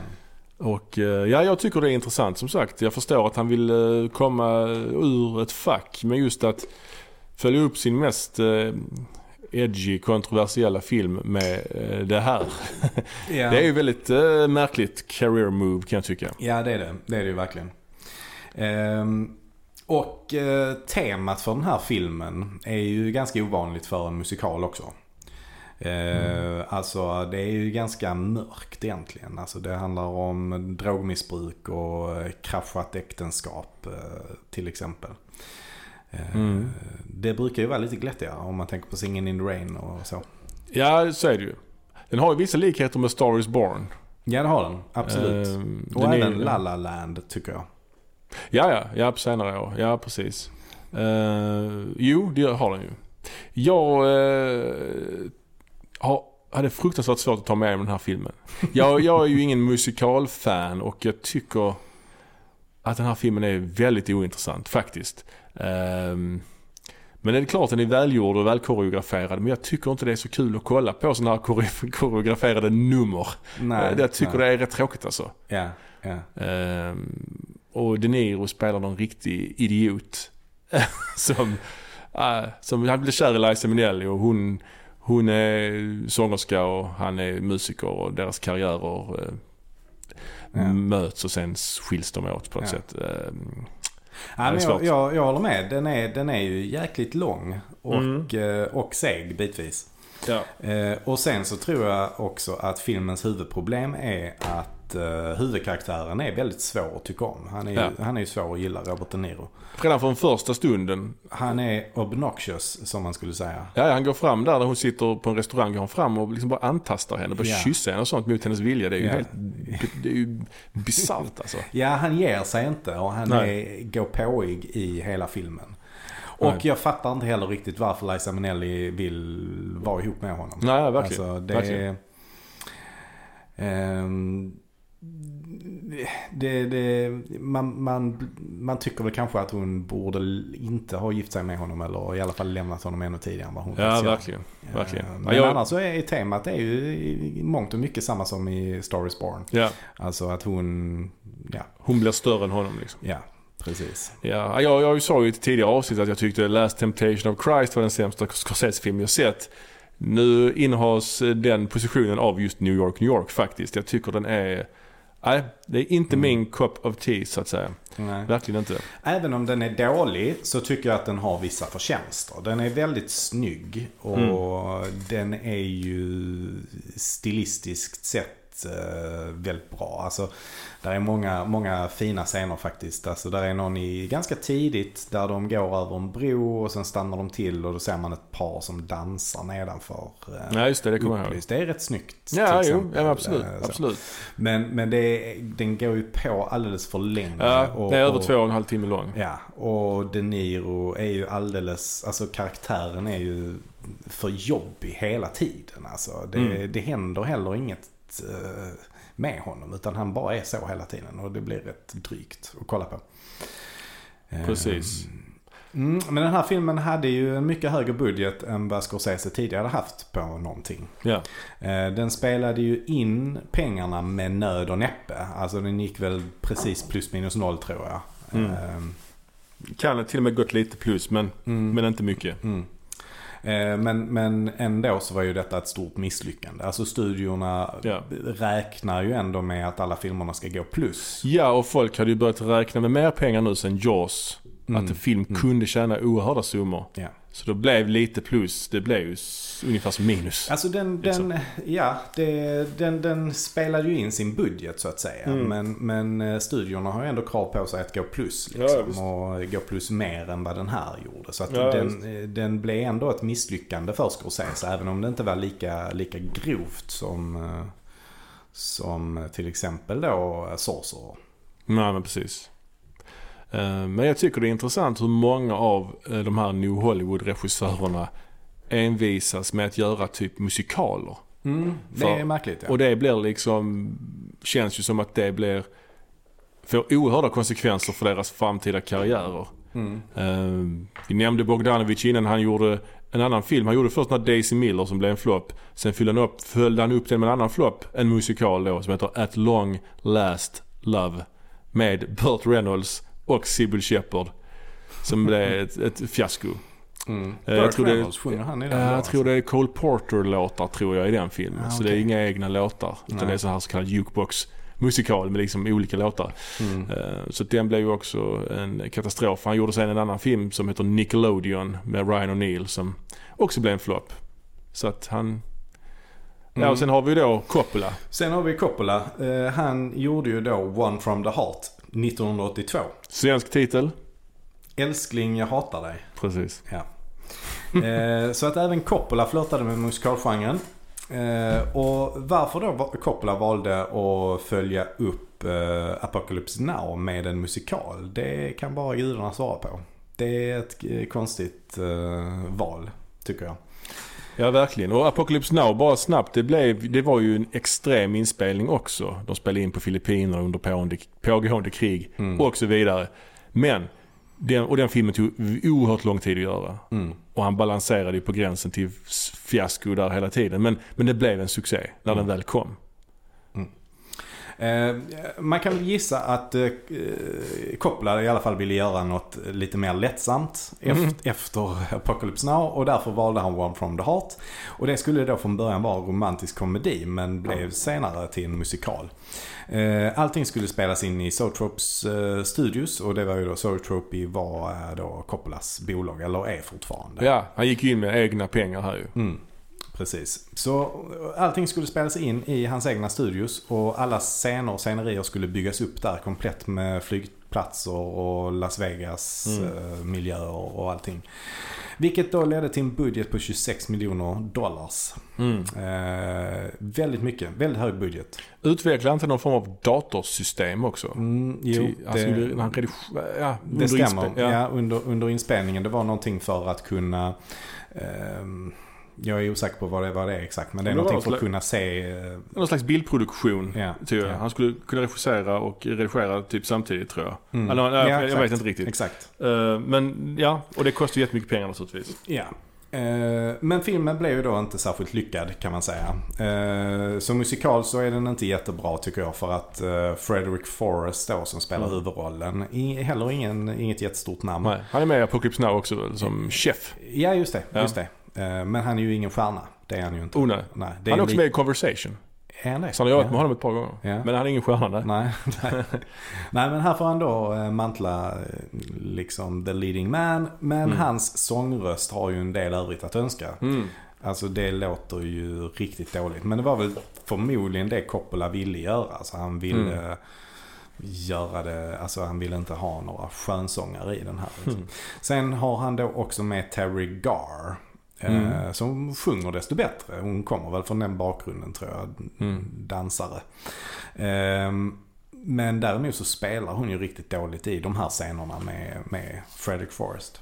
Mm. Ehm, och den här, in, eller liksom storyn i, i den här filmen påminner också lite grann om, eh, om New York, New York kan man säga. Alltså det handlar om en eh, dålig romans. Eh, och problemet här är väl lite att det känns inte som att den romansen är värd att rädda. Eh, Okej. Den filmen utspelar sig när de ska fira sitt femårsjubileum. Ehm, men de verkar ha det så dåligt så det bästa vore nog för de båda att gå eh, skilda håll egentligen. Eh, Så att det är väl också det jag tycker gör att den inte blir så bra, den här filmen. Ehm, Men i alla fall, den här filmen spelade in mindre än en miljon, miljon dollar.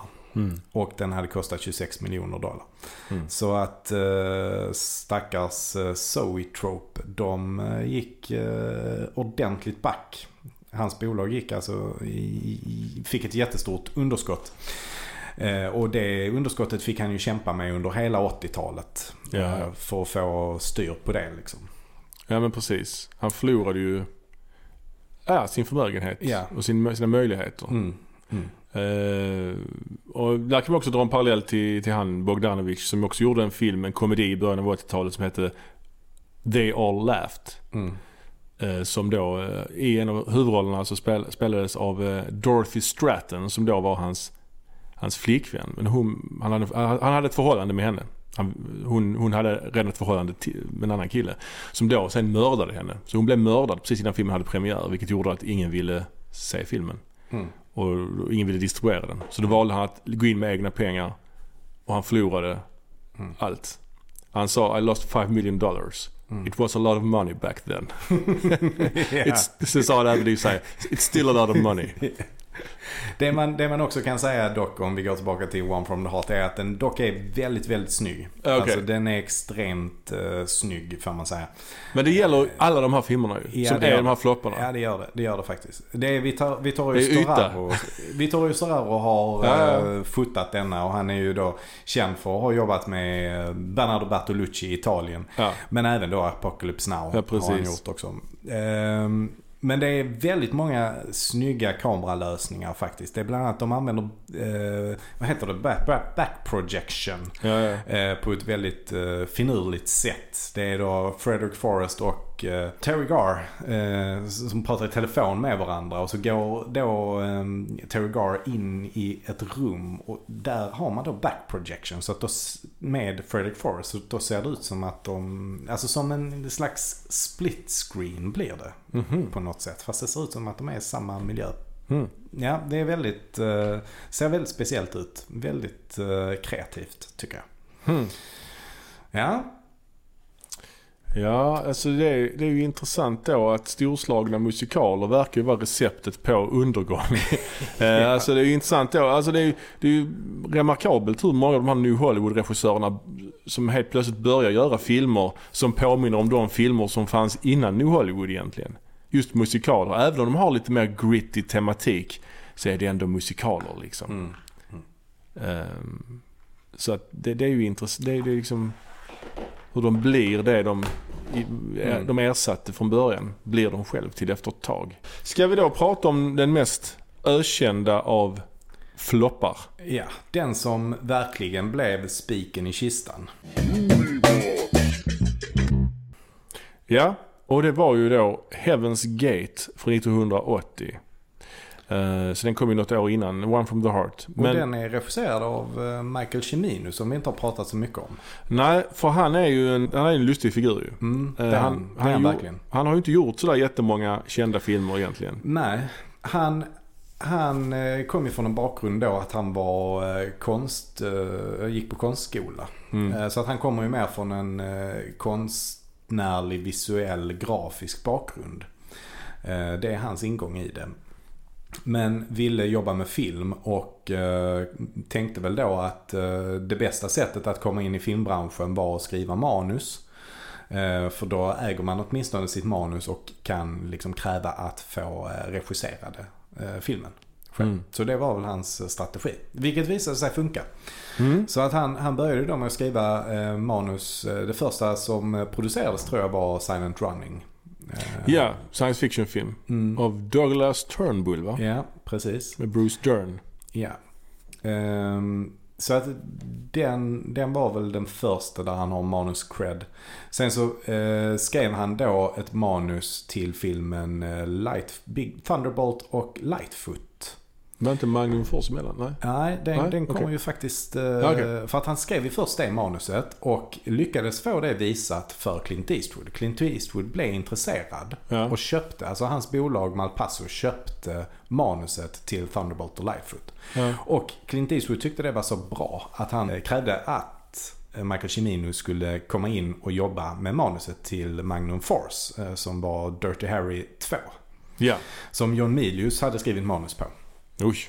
Stora namn här. ja, precis. Och ja, Magnum Force det är faktiskt, eh, tycker jag, det, det näst bästa tror jag. Efter den första Dirty Harry-filmen. Är det, är det så att de är, blir sämre och sämre? Eller?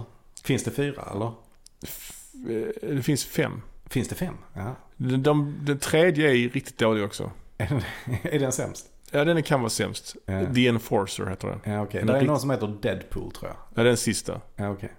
Och, den, och där tyckte man att han var så jävla gammal, Clintan, i den filmen. Den kom 1986. Ja. Och sen uh, Sudden Impact heter den. Ja, ja, ja. Sudden Ja. Impact. Ja, mm. Ehm, ja men uh, han skrev manus till tvåan i alla fall då. Eller hjälpte John Milius. Jag vet inte riktigt om de skrev Mm. samtidigt eller hur de gjorde. Eller om John Milius skrev en version och så skrev han om den. Eller hur det Mm. var. Men oavsett så gjordes den. Den eh, gjordes först och sen hoppade Clintan på eh, eh, Thunderbolt och Lightfoot direkt efter det. Mm. Och eh, den fick han ju då regissera. Så det blev hans regidebut. Så det är en Ja. lite udda regidebut kanske. Ja. ja, det är intressant då hur han följde upp den här Thunderbolt and Lightfoot då med eh, The Deer Hunter Mm. 1978. Eh, som är ju... Den är ju faktiskt en av de starkaste filmer jag har sett alltså. Ja, Den är Mm. fantastisk. Ja, men det, Eh, Den handlar ju kortfattat om några rysk-amerikaner i Pennsylvania som då eh, åker till Vietnam under, Mm. till Vietnamkriget. Eh, Och sen kommer hem igen och har förändrats Mm. ganska mycket. Ja. Så utspelar sig innan, under och efter Vietnamkriget. Och hur de liksom Mm. blir helt trasiga efter att ha varit med i det här kriget. Och den är ju ganska tidig. Alltså, Vietnamkriget är ju precis avslutat där. Ja, i, den, I den vevan. Det är Ja, inte alls långt efteråt. Nej, nej. Så att det var ju verkligen en aktuell film. Ja. Och det är med Robert De Niro, Meryl Streep bland annat, John Cazale, Christopher Walken. Mm. Och den är väl mest känd för de här rysk roulette-scenerna. Mm. Och att den inleds med en timmes långt bröllop. ja, just det. Där man lär känna alla karaktärerna. Ja. Eh, och den vann ju Oscar för bästa film och bästa regi och Ja. massa grejer. Ja. Och då efter det var han ju, fick han ju ett oerhört anseende, Michael Cimino, och såg som liksom den nästa stora amerikanska filmskaparen. Så han fick ju i Mm. stort sett göra vad han ville som sin nästa film. Mm, mm. Och han, han hamnade ju också hos United Artists. Just Eh, kan man också säga. Ehm, vad är det för något Karsten? Har du koll på det? Ja, United Artists är ju ett av de klassiska filmbolagen. Det var ju Charlie Chaplin, Douglas Fairbanks Ja. och Mary Pickford. Som, Ja. och, och även han regissören Ja, D- D.W. Griffith. Ja, precis. Så det är ett filmbolag skapat av filmskapare kan man säga. Så det är ju lite, Mm. verkligen lite avantgardistiskt att, alltså så. Så det av de klassiska filmbolagen. De gick in. Men det, det, det, det gjorde också att de jobbade på ett lite annat sätt. De, de hade också en, en tradition av att ge filmskaparna lite mer frihet. För det var precis det Charlie Chaplin och gänget ville med att skapa sitt eget bolag. Att Ja. de ville ha lite mer frihet. Och med tanke på hur mycket frihet regissörerna redan hade, Ja. alltså ja. under den här tiden. Det är ju, eh, då kan man tänka sig hur mycket frihet Chimino fick så att säga. Ja, precis. Precis. Eh, Men den här filmen Heaven's Gate då. Mm. Det är ju alltså en, eh, en episk westernfilm. Han, han vill ju liksom Han ville åter, göra- återuppfinna western. Liksom. Ja, och han ville göra en ny Borta med vinden. Han Ja. ville verkligen, han hade det i sikte att göra ett, Ja. ett amerikanskt epos. Ja, en westernversion av Lawrence of Arabia. Ja, ja precis. Ja, och den, är, ja, och den här filmen den eh, inspelad, han hyrde ju en hel nationalpark tror jag i Montana. Mm. Och, spe, och flyttade allting dit och spelade in där. Ja. Och han fick ju inte till de här stora stjärnorna heller utan det är ju liksom sådär lite mer steget under. ja, precis. Är Christopher Walken, Chris Christofferson, eh, Jeff Bridges är med då och Mm. lite sådana. Chris Christopherson var förvisso stor just vid det tillfället. Ja, Han, eh, han räknades faktiskt, även om man inte tror det riktigt, så räknades Ja, okej. han som en A-listeskådis just då. ja. Men inte efter. nej, inte efter. Nej. Ja, han är sen Isabelle Huppert, fransyskan, spelar ju den kvinnliga huvudrollen och det var ju också många som hade åsikter om det eftersom hon var väldigt dålig på att prata engelska. Ja. Men han insisterade på att hon skulle spela den här rollen. Mm. Så det blev så. Eh, vi kan ju dra handlingen lite snabbt i korta drag bara. Ja, ja vi, får vara kort, vi får dra korta drag. Det är inte så mycket att säga om den. Nej, alltså i alla fall händelserna eh, kretsar ju kring eh, det som kallas för Johnson County War. Eh, och det innebär då att immigrantjordbrukare då i Wyoming beskylls för att stjäla boskap från organisationen för boskapsindustrin i Wyoming. Eh, Så att det leder då till att eh, den här organisationen hyr in Eh, alltså, ja vad ska man kalla det för? Gunmen för att eh, döda då ett antal av de här immigranterna, 125 stycken, som det finns en lista på som de, har, Ja. som de misstänker har Ja. stulit eh, boskap. En dödslista. Mm, en dödslista. Och eh, ja, den börjar, filmen inleds ju på Harvard. Mm. 20 år innan det här. Ja, Och då får man se Chris Christopherson och även hans kompis spelad av John Hurt. ja, När de är på någon slags avslutning. ja. Och någon håller tal. De tar någon slags examen. Ja, det är examen och någon som håller tal, ex- examenstal. Och det är fruktansvärt segt. Mm. Och det är rätt så dåligt ljud också på dialogen. Så man hör ju inte riktigt vad de säger. Nej, det gör man inte. Och det, det händer liksom ingenting. Och sen är det lite dans på, på någon eh, gård. Ja. På någon, på någon alltså, gräsmatta utanför eh, universitetshuset. Ja, och sen så utbryter det något stort slagsmål. Just det. Och Chris Christopherson lyckas också få tag på eh, någon slags blombukett som är fäst på någon hög stolpe. Ja, ja. Och allt detta, det intressanta med allt detta är två saker tycker jag. Dels att Chris Christopherson ser ut att vara 45 år Just det. när han tar examen från Harvard. Ja. Eh, för att de liksom har inte gjort någonting med hans utseende. Alltså, Han har bort skägget. Han har tagit bort skägget, Ja. absolut. Han har skägg sen i filmen. Ja. Men, men han ser ändå rätt gammal ut. Och samma sak med John Hurt. Han Ja. ser inte purung ut heller. Nej, han har någon sjuk frisyr bara för han ska se yngre ut. Ja, slags sidobena. Ja. Sen en annan intressant grej är att det varar oerhört länge. ja, det är också intressant. Och den tredje intressanta saken är att det, man hade inte behövt alls den, ha den scenen med i filmen. Ja, den tillför absolut ingenting till Nej. resten av filmen. För sen inleds ju filmen, eh, själva handlingen, med att man får se några sådana här immigranter på en liten stuga. Mm. Det är då 20 år senare. 20 år senare. reda på också. Och vi är på en helt annan miljö. Ja. Vi är inte, vi, nu är vi ute i eh, liksom vilda västern lite mer. Ja, natur. Wyoming. Ja, vinter eller Mm. höst. Och vi introduceras då för Christopher Walken och det är väldigt snyggt sätt han introduceras. Mm. Eh, Han skjuter ihjäl en, en Mm. eh, sån här immigrant då. Mm. Ja, han skjuter honom genom ett lakan som Mm. blir ett hål i lakanet och på andra sidan hålet ser man då han står med geväret Mm. och bakom honom har han liksom den här bergskedjan Mm. och, och naturen. Det är väldigt storslaget. Ja, det, är liksom. det. det är jättefint. Och det är ju, man ser ju återigen precis som i Sorcerer, man ser ju hur jävla dyr den här filmen har Mm. varit. Sen har man ju hört mycket om inspelningen också, men man ser ju just det är åkningar hela tiden. Mm. Det är ju, man vet ju också om att de har byggt upp alla de här städerna från scratch i en nationalpark. Och där är sjukt mycket statister. Mm. Det är någon scen som börjar med en åkning genom ett hus. Det är en person som går in i ett hus. Det är en åkning genom huset. Och man ser ut genom fönstret på huset att tåget är på väg in. Mm. Och när han kommer ut ur huset så är tåget, kör tåget in på perrongen. Och då tänker man, ja, snyggt. Och sen tänker man också, sen vet man också att man har gjort så jävla många tagningar ju. Då måste man backa tillbaks tåget.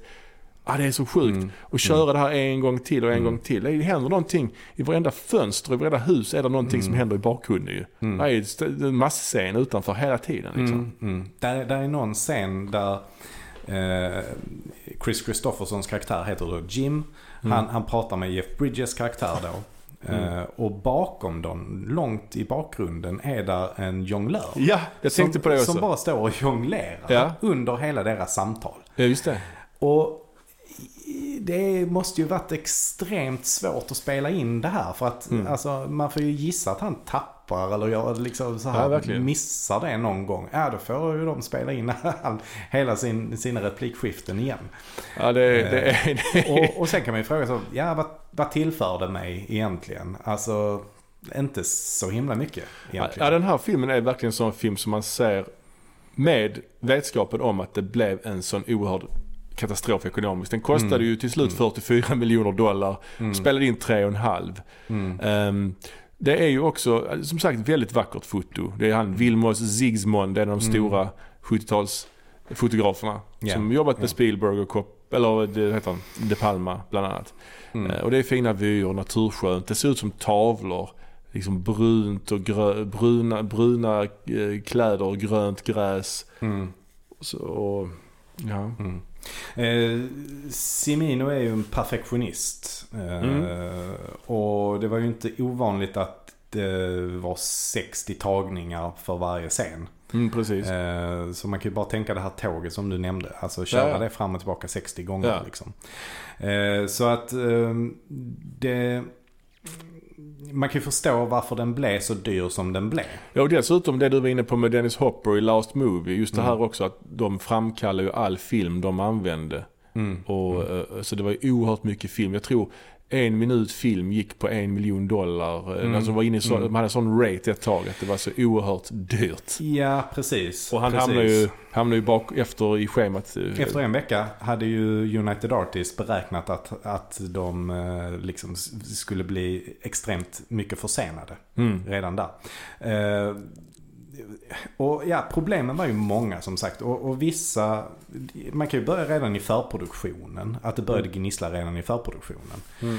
Eh, Cimino, eller Cimino, lyssnade ju inte alls på folket från United Artists. Eh, för att i förproduktionen där så hade han redan nämnt att eh, han ville ha Isabelle Huppert Mm. eh, i huvudrollen för den kvinnliga eh, huvudrollen där. Eh, men de sa redan där att de var osäkra på, på hennes engelska. Men då gjorde de en deal att de skulle åka dit och lyssna på henne. Om de tyckte att det var okej så skulle hon vara med. Tyckte de inte det så skulle han vara tvungen till att liksom Mm. ta in någon annan. Men, eh, och det tyckte han var, ja men det är okej. Så de åkte dit och så kom de fram till, nej vi tycker inte du ska ha med henne. Eh, men då brydde han sig inte om det utan signade på henne ändå. Mm. Så att redan där bröt han ju ett avtal Mm. som han hade gjort med dem. Ja. Eh, Men sen hände ju då det att eh, F, alltså en vecka innan inspelningen så var ju Oscarsgalan. Ja, och då vann Deer och då Hunter. vann Deer Hunter. Så det var ju efter det så Ja. hade de ju inte någonting att säga till om. Nej, för då var han ju liksom den nya eh, ja, frälsaren. Ja, han, var ju, han var ju betraktad som ett geni efter det. ja. Eh, och hans hybris var ju ett faktum också Oh ja. efter det. Eh, och det ledde väl också till att eh, som producent så tog han in en eh, nära vän, alltså en gammal vän som han hade känt Mm. länge, som inte hade någon erfarenhet av att vara producent. Nej. Eh, och, och hon, det var ju ganska uppenbart att hon liksom kunde inte säga till om någonting. Hon hade lite makt på pappret över, över budgeten och så. Men, Mm. men det var ju han, hon gjorde som han sa. Eh, så att han var ju verkligen en envåldshärskare över det, hela den produktionen. Ja. Eh, och det sågs väl också som ett problem att det inte fanns någon stark producent på plats som kunde liksom hjälpa honom eh, att, göra det, att hålla budget.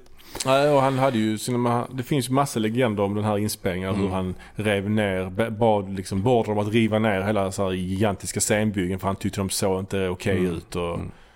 Han hittade ett träd någonstans i USA Mm. som han tyckte var så fint så han lät dem ta ner det trädet och flytta det till Montana. eller vad det nu var och sätta upp det igen. Mm. Mm. Och sådana sjuka grejer. Mm. Eh, Men som sagt, en vecka efter inspelningen hade satt igång så märkte United Artists att eh, projektet var försenat. Man hade inte kommit en bråkdel så långt som de hade beräknat att de skulle komma. Eh, Och då räknade de också ut att filmen, fortsätter man i det här tempot så kommer filmen att kosta 50 miljoner dollar. Mm. Och den kommer att bli försenad med 200 dagar. Hela, hela inspelningstiden var beräknad till 69 inspelningsdagar tror jag. Ja. Och enligt det tempot så skulle det bli 269. Nu Ja. vet jag inte exakt vad den slutade på men det var ju långt över 69 i alla fall. ja, det var ett jävla tag. Mm. Eh, Men United Artists ville ju då byta ut producenten och skicka dit en annan. eh, Vilket de också gjorde. Men då blev ju Simino, han blev ju trotsig där och så bara vägrade prata med den här Mm. producenten. Eh, Så att det, det hjälpte ju inte. Ehm, Nej, precis.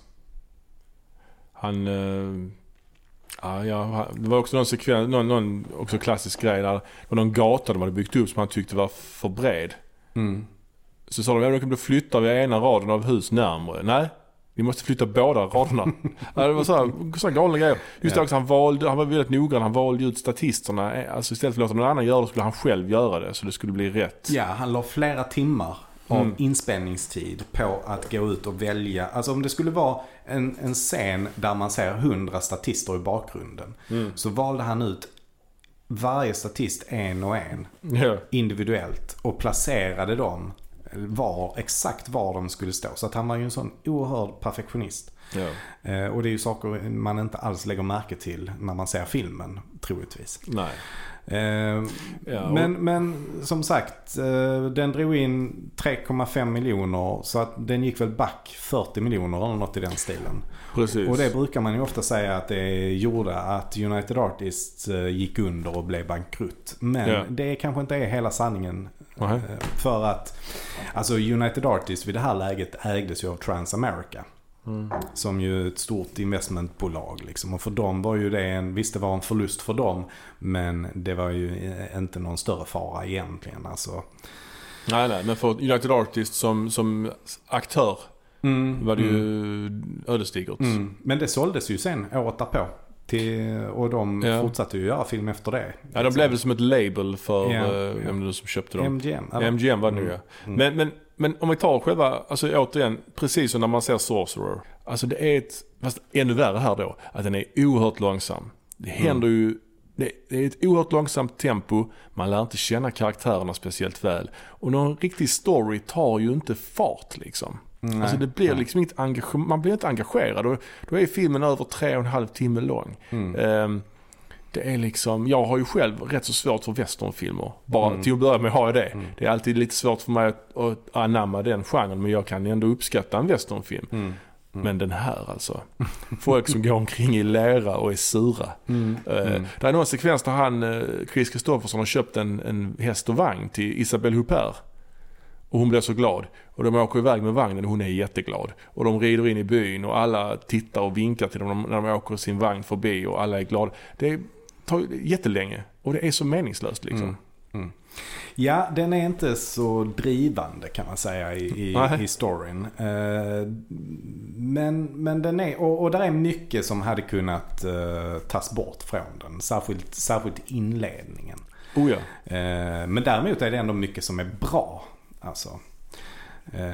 Ja, alltså den är ju, återigen visuellt är den ju väl fantastisk såklart. Mm. Och den berättar också en historia som man inte ser så mycket heller. Man, mm. alltså, och det är faktiskt li, lite grann också i The Dare Hunter. Just i The Dare Hunter är det ju ryss-amerikaner. Mm.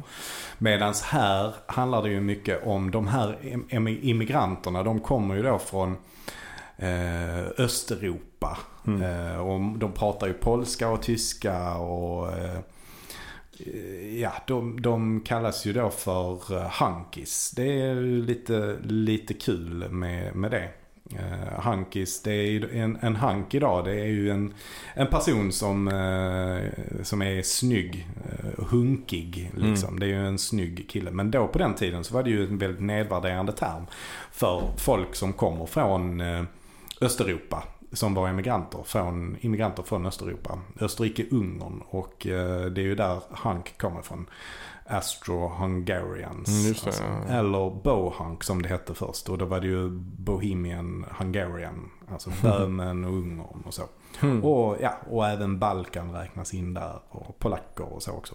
Ja men det är klart, det är ett, ja, det är ett intressant ämne så ju. Mm. Alltså det är ett mm. udda ämne men det är också ett väldigt riskabelt ämne för en sån här storfilm. Mm, om man vill ja, locka en stor publik så att mm. säga.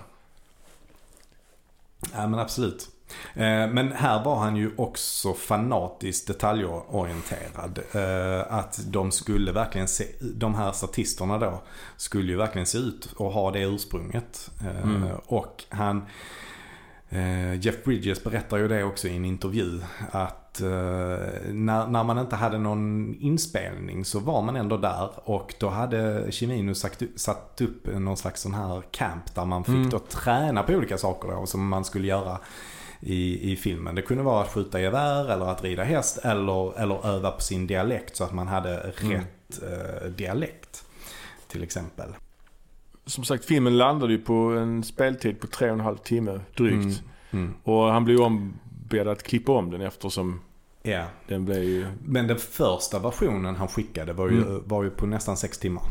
ja, det är ju helt sjukt alltså. Ja, idag hade det ju gjort som en miniserie, helt klart. Ja, oh ja.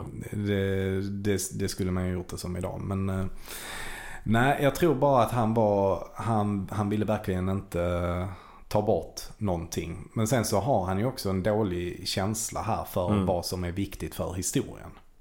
Ja, ja. Alltså för berättelsen. Ja. Oh ja. Eh, det är ju extremt mycket som, som pågår väldigt långt. Alltså där är en scen som är enormt utdragen. Och det är ju när Chris Christofferson har fått tag på den här listan med de 125 namnen. Ja. Då läser, börjar han ju läsa upp det första namnet. Det. Och så får man höra då hur publik, eller inte publiken, men, men den här gruppen då. Ja. Hur de reagerar på det och de blir ju såklart väldigt eh, bestörta mm. över det. Ja och sen så fortsätter ju det här att han läser upp namn efter namn. Ja. Och, och man får höra hur gruppen eh, hela den sekvensen hade man ju lätt kunnat klippa ner och mm. ändå kunna göra det lika starkt. Ja, verkligen. För den där scenen är olidlig att titta på. Det är också en annan scen ja. när de är då inne i den här Heaven's Gate är ju då ja. alltså en eh, bar kan man väl säga. Eller ett, ja. ett samlingshus där det finns en bar. Och en rullskridskorink. De gör om den till en rullskridskorink. Eh, och, och, och där har vi något band som spelar. Eh, mm. Någon slags eh, folkmelodi. Eh, och mm. då, då kör de ju också verkligen hela låten. Ja, rullskridskor är nog roligare att äh, åka. Oh, är, är nog roligare att åka än att titta på. Så att säga. ja, precis. Ja. Men det är ju ändå mm. fascinerande att se den här violinisten som ja, spelar fiol och åker rullskridskor samtidigt. Ja, verkligen. Men den har ju på senare år blivit omvärderad. Mm. Man, man kör, jag har den på, på Blu-ray och där på omslaget är det ju en massa så här äh, högsta betyg och ett mästerverk och, och, och så vidare. Jag kan inte hålla med om det alltså. Den är för mm. svulstig, för långsam, för oengagerande. Sen är den sjukt snygg. Och det är mm. väl skådespeleriet, det är väl inget större fel på. Det är mer att äh, berättelsen, hur den är mm. berättad. Mm. Ja, nej men jag, jag har inga problem att kolla på den faktiskt. Jag, ty jag tycker som sagt att den är långsam. Ja. Men jag tycker ändå att storyn är bra.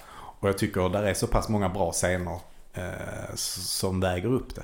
Sen så kanske man inte tittar på den i en sittning. Eh, Det gör man inte. Nej. Vilken är din favoritscen om jag bara får fråga? Ehm, Eller säg någon favoritscen. Ja, men det finns, det finns ganska många faktiskt. Men, ehm, ja, men jag, jag, gillar, jag gillar egentligen när Chris Christopherson kommer till den här staden som han Mm. är. Och, eh, man, man, får, man får liksom ett porträtt på den staden. Sen så, eh, jag gillar också de scenerna med eh, det här gänget då som Christopher Walken hör till. Mm. Där är ju då eh, Mickey Rourke Just det. är ju, är ju en i, i hans... Alltså Ja. Christopher Walken spelar ju eh, en sån här gunman då, hired gun liksom. Mm. Eh, men har också sånt här eh, bohank eh, bakgrund. Eh, så att de som han då ska skjuta, de tycker ju att han är en förrädare.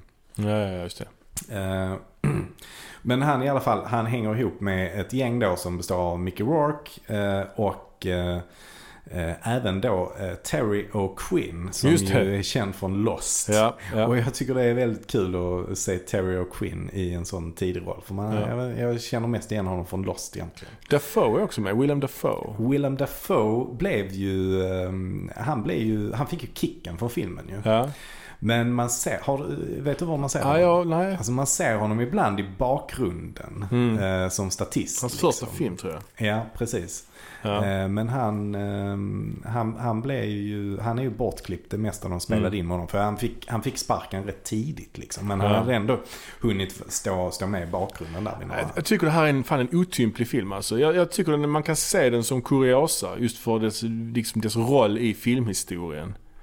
Eh, Det var någon som sa ju det att uh, Chimino han sålde sin själ till djävulen för att göra Deer Hunter och nu har djävulen kommit för att driva in skulden liksom i Heaven's Gate. Ja. Ja, nej men jag tycker, jag håller inte riktigt med. Alltså visst, jag, för, jag förstår definitivt vad du menar. Men, men det ger mig ändå ganska mycket att se den.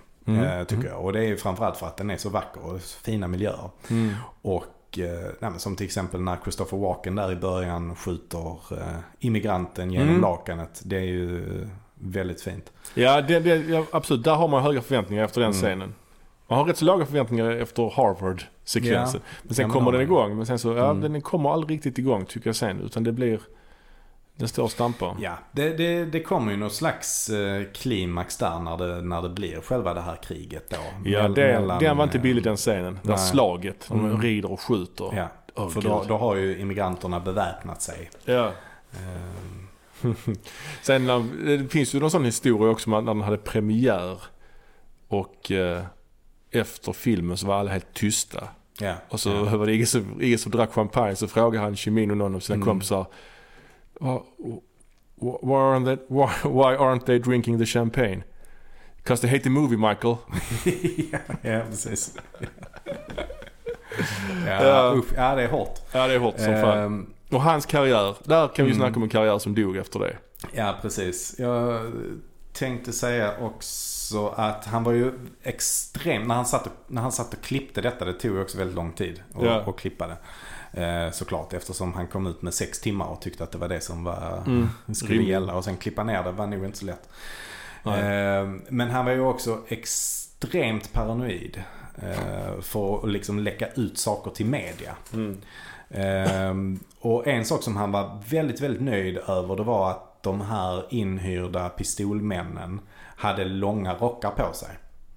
Mm. Eh, vilket han på något sätt fått för sig med att han var liksom den, den första som använde det på, på den typen av... eh, Jaha.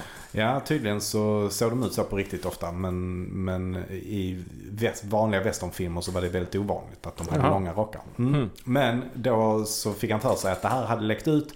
Och eh, då visade det sig då också att det kom eh, någon film där eh, i den vevan precis innan. Som, Mm. Där de också hade det. Så att han, han hängde upp sig på sådana konstiga saker som Mm. lika gärna kunde vara tillfälligheter. Men att han då beskyller dem för att vara anledningar till att den gick dåligt. Mm. Och det, det kanske man inte riktigt håller med om. Jag jag tycker den påminner lite grann på något sätt om Scorseses Gangs of New York. Ja, det gör den. Absolut. Eh, alltså det är inte alls samma miljö men just den här bruna färgskalan, den här storslagna, det här upp, man har byggt upp städer. Mm. Eh, Men jag, jag tycker ändå att de lyckas med det. För det känns som att man är i den världen. Nej, verkligen. verkligen man lever sig absolut. in i det och det, det, det känns som att att de har lagt så här mycket tid på detaljerna. Det känns ändå som att det, har, att det ger en effekt. Ja, precis. Ja, det, det, liksom, det är ju en film, en flopp som faller, förutom att det var så dyr, Mm. så faller den på själva historien. Inte, på, inte på hantverket. Nej. Utan det är ju top notch. Eh, ja, den här gick ju som sagt inte särskilt bra. Och eh, det gjorde inte Siminus karriär heller efter detta. Nej, han gjorde väl inga filmer eh, som blev... Några Framgång. fram, framgångar alls. Nej. Han, eh, vad gjorde han efter det här? Han gjorde en som heter Year of the Dragon bland annat. Är det nästa film? Men, ja. det vet jag inte. Han gjorde en The Sicilian också. Ja, The Sicilian. Year of the Dragon gjorde han i alla fall. Återigen med Mickey Rourke. Mm. Eh, som även var med i Heaven's Gate. Och eh, den, den har väl sina förtjänster kan man väl säga. Men den fick extremt mycket negativ kritik på Mm. hur den kinesiska befolkningen, den utspelar sig då i Chinatown i New Mm. York. Och eh, hur de porträtterades där fick den ju mycket kritik för. Ja. Eh, sen har den ju andra brister också. Eh, men den har samtidigt en del förtjänster. The Sicilian har jag inte sett. Men Christopher Lambert som mm. sicilianare känns inte helt hundra. Nej, han får alltid spela folk av annan nationalitet än Mm. sin egen, höll jag på att. Mm. Ja, jag tror den är väl baserad på Mario Puzo. Mm, det, är en, ja. det är en bok om Mario Puzo. Men, men eh, ja, hans karriär dog ut efter, efter eh, Heaven's Gate och han lyckades Mm. aldrig återhämta sig igen. Han hade ju egentligen bara gjort två filmer innan denna filmen. Mm. Och, och, eh, så att han hade ju inte så mycket att falla tillbaka på. Nej. Alltså, han hade inte liksom, han, han hade precis blivit jättestor. Mm. Han hade inte haft en lång karriär. Nej, det var verkligen en, en eh, stjärna som eh, brann väldigt klart under en Mm. väldigt kort period. Ja, verkligen. eh, Kan man säga. Och, och sen fick han ändå några chanser till på 80-talet. Mm. Alltså både med The Sicilian och med, med eh, Year of the Dragon. Men Mm. lyckades inte göra någonting bra med det. Så Mm. ett tråkigt öde. Och när man då har omvärderat det, alltså särskilt e- direkt efter Heaven's Gate så var det ju många som, som kanske tyckte att Oscar för The Deer Hunter var oförtjänt. Att han Mhm. skulle lämna tillbaka den. Mm. Ja, det... Mm. Även om Ja. den är en bra film så kanske man tänker att eh, det inte var så mycket hans förtjänst att den blev så bra. Nej, jag har ingen aning. Men det är klart, eh, hade han inte vunnit för den så kanske inte Heaven's Gate hade blivit av och då kanske både United Artists och han själv hade tjänat Mm. på det. Mm. Alltså, ehm, ska vi eh, sammanfatta? Mm. Ja, vi kan ju då, vi har ju då pratat om New Hollywoods död, filmerna som dödade New Hollywood. Och det var ju två typer av filmer kan man ju säga som dödade den här regissörsdrivna filmen. Dels var det ju regissörerna själva som började göra de här galna, storslagna, dyra filmerna som gjorde att de fick storhetsvansinne Mm. och det blev för mycket. Det var ju dels det, alla floppar. Men dels också High Concept-filmen, Star Wars, eh, Jaws. Filmer som spelade in så oerhört mycket pengar. Ja. som blev ett alternativ som tog över Man efter. kan väl säga det också att bristen på producent, det som det resulterar i blir att det blir lite mer gambling av det. Ja. Alltså för att vissa av de här eh, filmerna blev ju succéer, vissa blev inte det. Nej. Och där, det är ju där gamblingen är, men, men de kunde ju ändå vara lika dyra att spela in. Ja, och, och många säger ju också att det här med autörteorin, att, Mm. Att se regissören som konstnären, att den bidrog till också till att döda New Hollywood eftersom den- autörteorin applicerades väldigt snabbt ju. Mm. Alltså William Friedkin, han har gjort två, två bra filmer, då var han ett geni och fick Mm. göra vad han ville. Cimino gjorde en film, eh, Deer Hunter, som blev superhyllad och då blev han en autör helt plötsligt. Och fick göra den här tokfloppen. Mm. Bogdanovich berättar ju också att han, Han, hade ju gärna tänkt lite mer, planerat sin karriär bättre om han hade fått göra om det. För han Mm. gjorde ju bara filmer som han ville göra. Istället för att göra det här som man säger one for them, one for me. Att varannan film gör man lite mer kommersiell, lite mer för studions skull liksom. Mm. För Bogdanovich blev erbjuden både att göra Gudfadern och Chinatown men tackade nej och ville göra sina liksom, egna projekt. Mm. Eh, Så att, ja. Mm. Spielberg stötte ju på en flopp med den här 1941. Eller flopp är starkt. Det var ingen flopp. Det var en hit. Men inte alls så stor hit som, han, som Jaws och Close Encounters. Mm.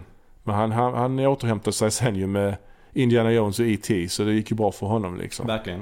Och eh, ja, han har ju haft en bra karriär Ja. ef- efter det. Också med Schindler's list och Ja, verkligen. Jurassic Park har varit framgångsrik också. ja, Scorsese han hade ju problem efter, Mm. han gjorde Raging Bull som också blev, den var ju jättebra men Mm. ekonomiskt inte så bra. Mm. Och han lyckades ju ändå hålla sig Mm. vid liv under 80-talet med lite mer så här King of beställnings... Comedy var väl en sån film som man säger att han ångrar att han gjorde. Ja, precis. Och sen efter det gjorde han lite mer så beställningsjobb som vi pratade om tidigare. ja. After Hours och, och den här Color of Money. Mm. Och sen gjorde han sin Jesus-film då. Mm. Men sen gjorde han ju comeback på 90-talet med Goodfellas och Cape Fear och allt det där. Ja, precis. Precis. Ehm, och sen hade han en liten dipp på 90-talet också får man väl säga. Bringing Out the Dead och där i den vevan var han, den var väl inte så jätteframgångsrik till exempel. Nej, precis. Sen kom han tillbaka igen. Ja, det ja, går upp ja, Nu är han ju jättestor igen. Nu är han jättestor, definitivt. Nu så han börjat jobba med Leo. Ja, ja precis. Vi har ju precis. Coppola. Eh, både han och eh, Peter Bogdanovich eh, var ju eh, ruinerade på 80-talet och Mm. försökte ju revitalisera sina karriärer. De gjorde båda två uppföljare på sina kända filmer. 1990 just. Mm. Gudfadern 3 eh, gjorde Coppola. Mm. Som ändå blev en succé. Mycket Mm. på grund av att det var en uppföljare på Gudfadern. Ja, Alltså Coppola gjorde ju också några andra saker på 80-talet. Han gjorde ju um, Outsiders och Rumblefish. Mm. Två ganska lika filmer på något sätt. Mindre filmer. Mindre. Baserade på böcker av Stein va? Ja, ja. Eh, och Dennis Hopper är väl med i Rumblefish också tror jag. Ja okej, Mickey Rourke också. Ja, Mick Rourke ja. Ehm, så att han, han gjorde ju film men eh, ja, det krävdes ju fram på 90-talet innan han gjorde någon större eh, film kan man säga. ja, det var Gudfadern 3 och sen gjorde han Dracula efter det. Ja, ju. Sen efter det precis. har han inte gjort någonting stort igen. Nej, nej. Sen har han ju eh, faktiskt tynat bort lite grann. Ja, han jobbar, gör vin istället typ. Han har Mm. eget vin. Precis. Bogdanovich gjorde ju en uppföljare på Last Picture Show som heter Texasville. Ja. Som, blev, Ja, det. som ingen brydde sig om. Mm. Så att han har ju försvunnit också. Mm. Tyvärr. Mm. Men om man ska sammanfatta just det här amerikanska 70-talet New Hollywood är väl ändå, skulle jag nog säga min, en av mina, om inte min favoritperiod så att säga i filmhistorien. Det gjorde så mycket bra. Ö, 70-talet överhuvudtaget skulle jag Ja. säga. Men även alltså, just New Hollywood är ju, ja många av de filmerna är ju filmer jag verkligen älskar. Ja, absolut. Och mycket har väl att göra med också att de, eh, många av de filmskaparna var ju filmbuffs. Mm. Men visst. Ehm, Det gjordes inte enbart för att studion ville att de skulle göras för att de skulle sälja biljetter. Nej, exakt. Exakt. Och de var djärva både innehållsmässigt och eh, formmässigt. Ja, och så var det mycket fokus på karaktärsutveckling också. Det kan Mm. man nästan säga är ett eh, genomgående tema för den perioden. Ja, ja, verkligen. Om man tar eh, Exorcisten till exempel så tar det ju, är det ju en, första timmen av den filmen är ju bara att bygga upp karaktärerna innan det ens Mm. händer något direkt övernaturligt. Eller ja, så. Innan skräcken börjar komma. Mm. Så är det ju inte längre, Nej, nej. så att säga. Har du tänkt på förresten att Michael Cimino är extremt lik John Lovitz? Ja, det är han. Ska det bli våra avslutande ord kanske? Ja, Nej, det kanske- ja. Nej, det kanske man kan Nej, klippa ja. in tidigare. Ja, det kanske man kan göra. Mm. Men, men så. Se alla de här filmerna vi har snackat om. Se dem. Det, man, behöver, man ska inte bara se bra filmer. Man kan även se filmer som är misslyckade. Man lär sig av all film man ser, tycker jag. Ja, det gör man. Det gör man. Och eh, man behöver inte se dem eh, vid ett och samma tillfälle. Det är inte Nej, alltid man inte. har tre och en halv timme över för eh, Heaven's Gate. Nej, jag tror mer att man behöver inte se alla filmerna samma dag. ja, det, är, det är fullständigt omöjligt. Nej, Heaven's Gate kan man gärna dela upp i små partier. Mm. Ja, men det går väldigt bra att göra det faktiskt. Ja. Okej, men med de orden så tackar vi väl för oss då. Ja, tack Okej. ska du ha. Tack. Hej, hej. Hej.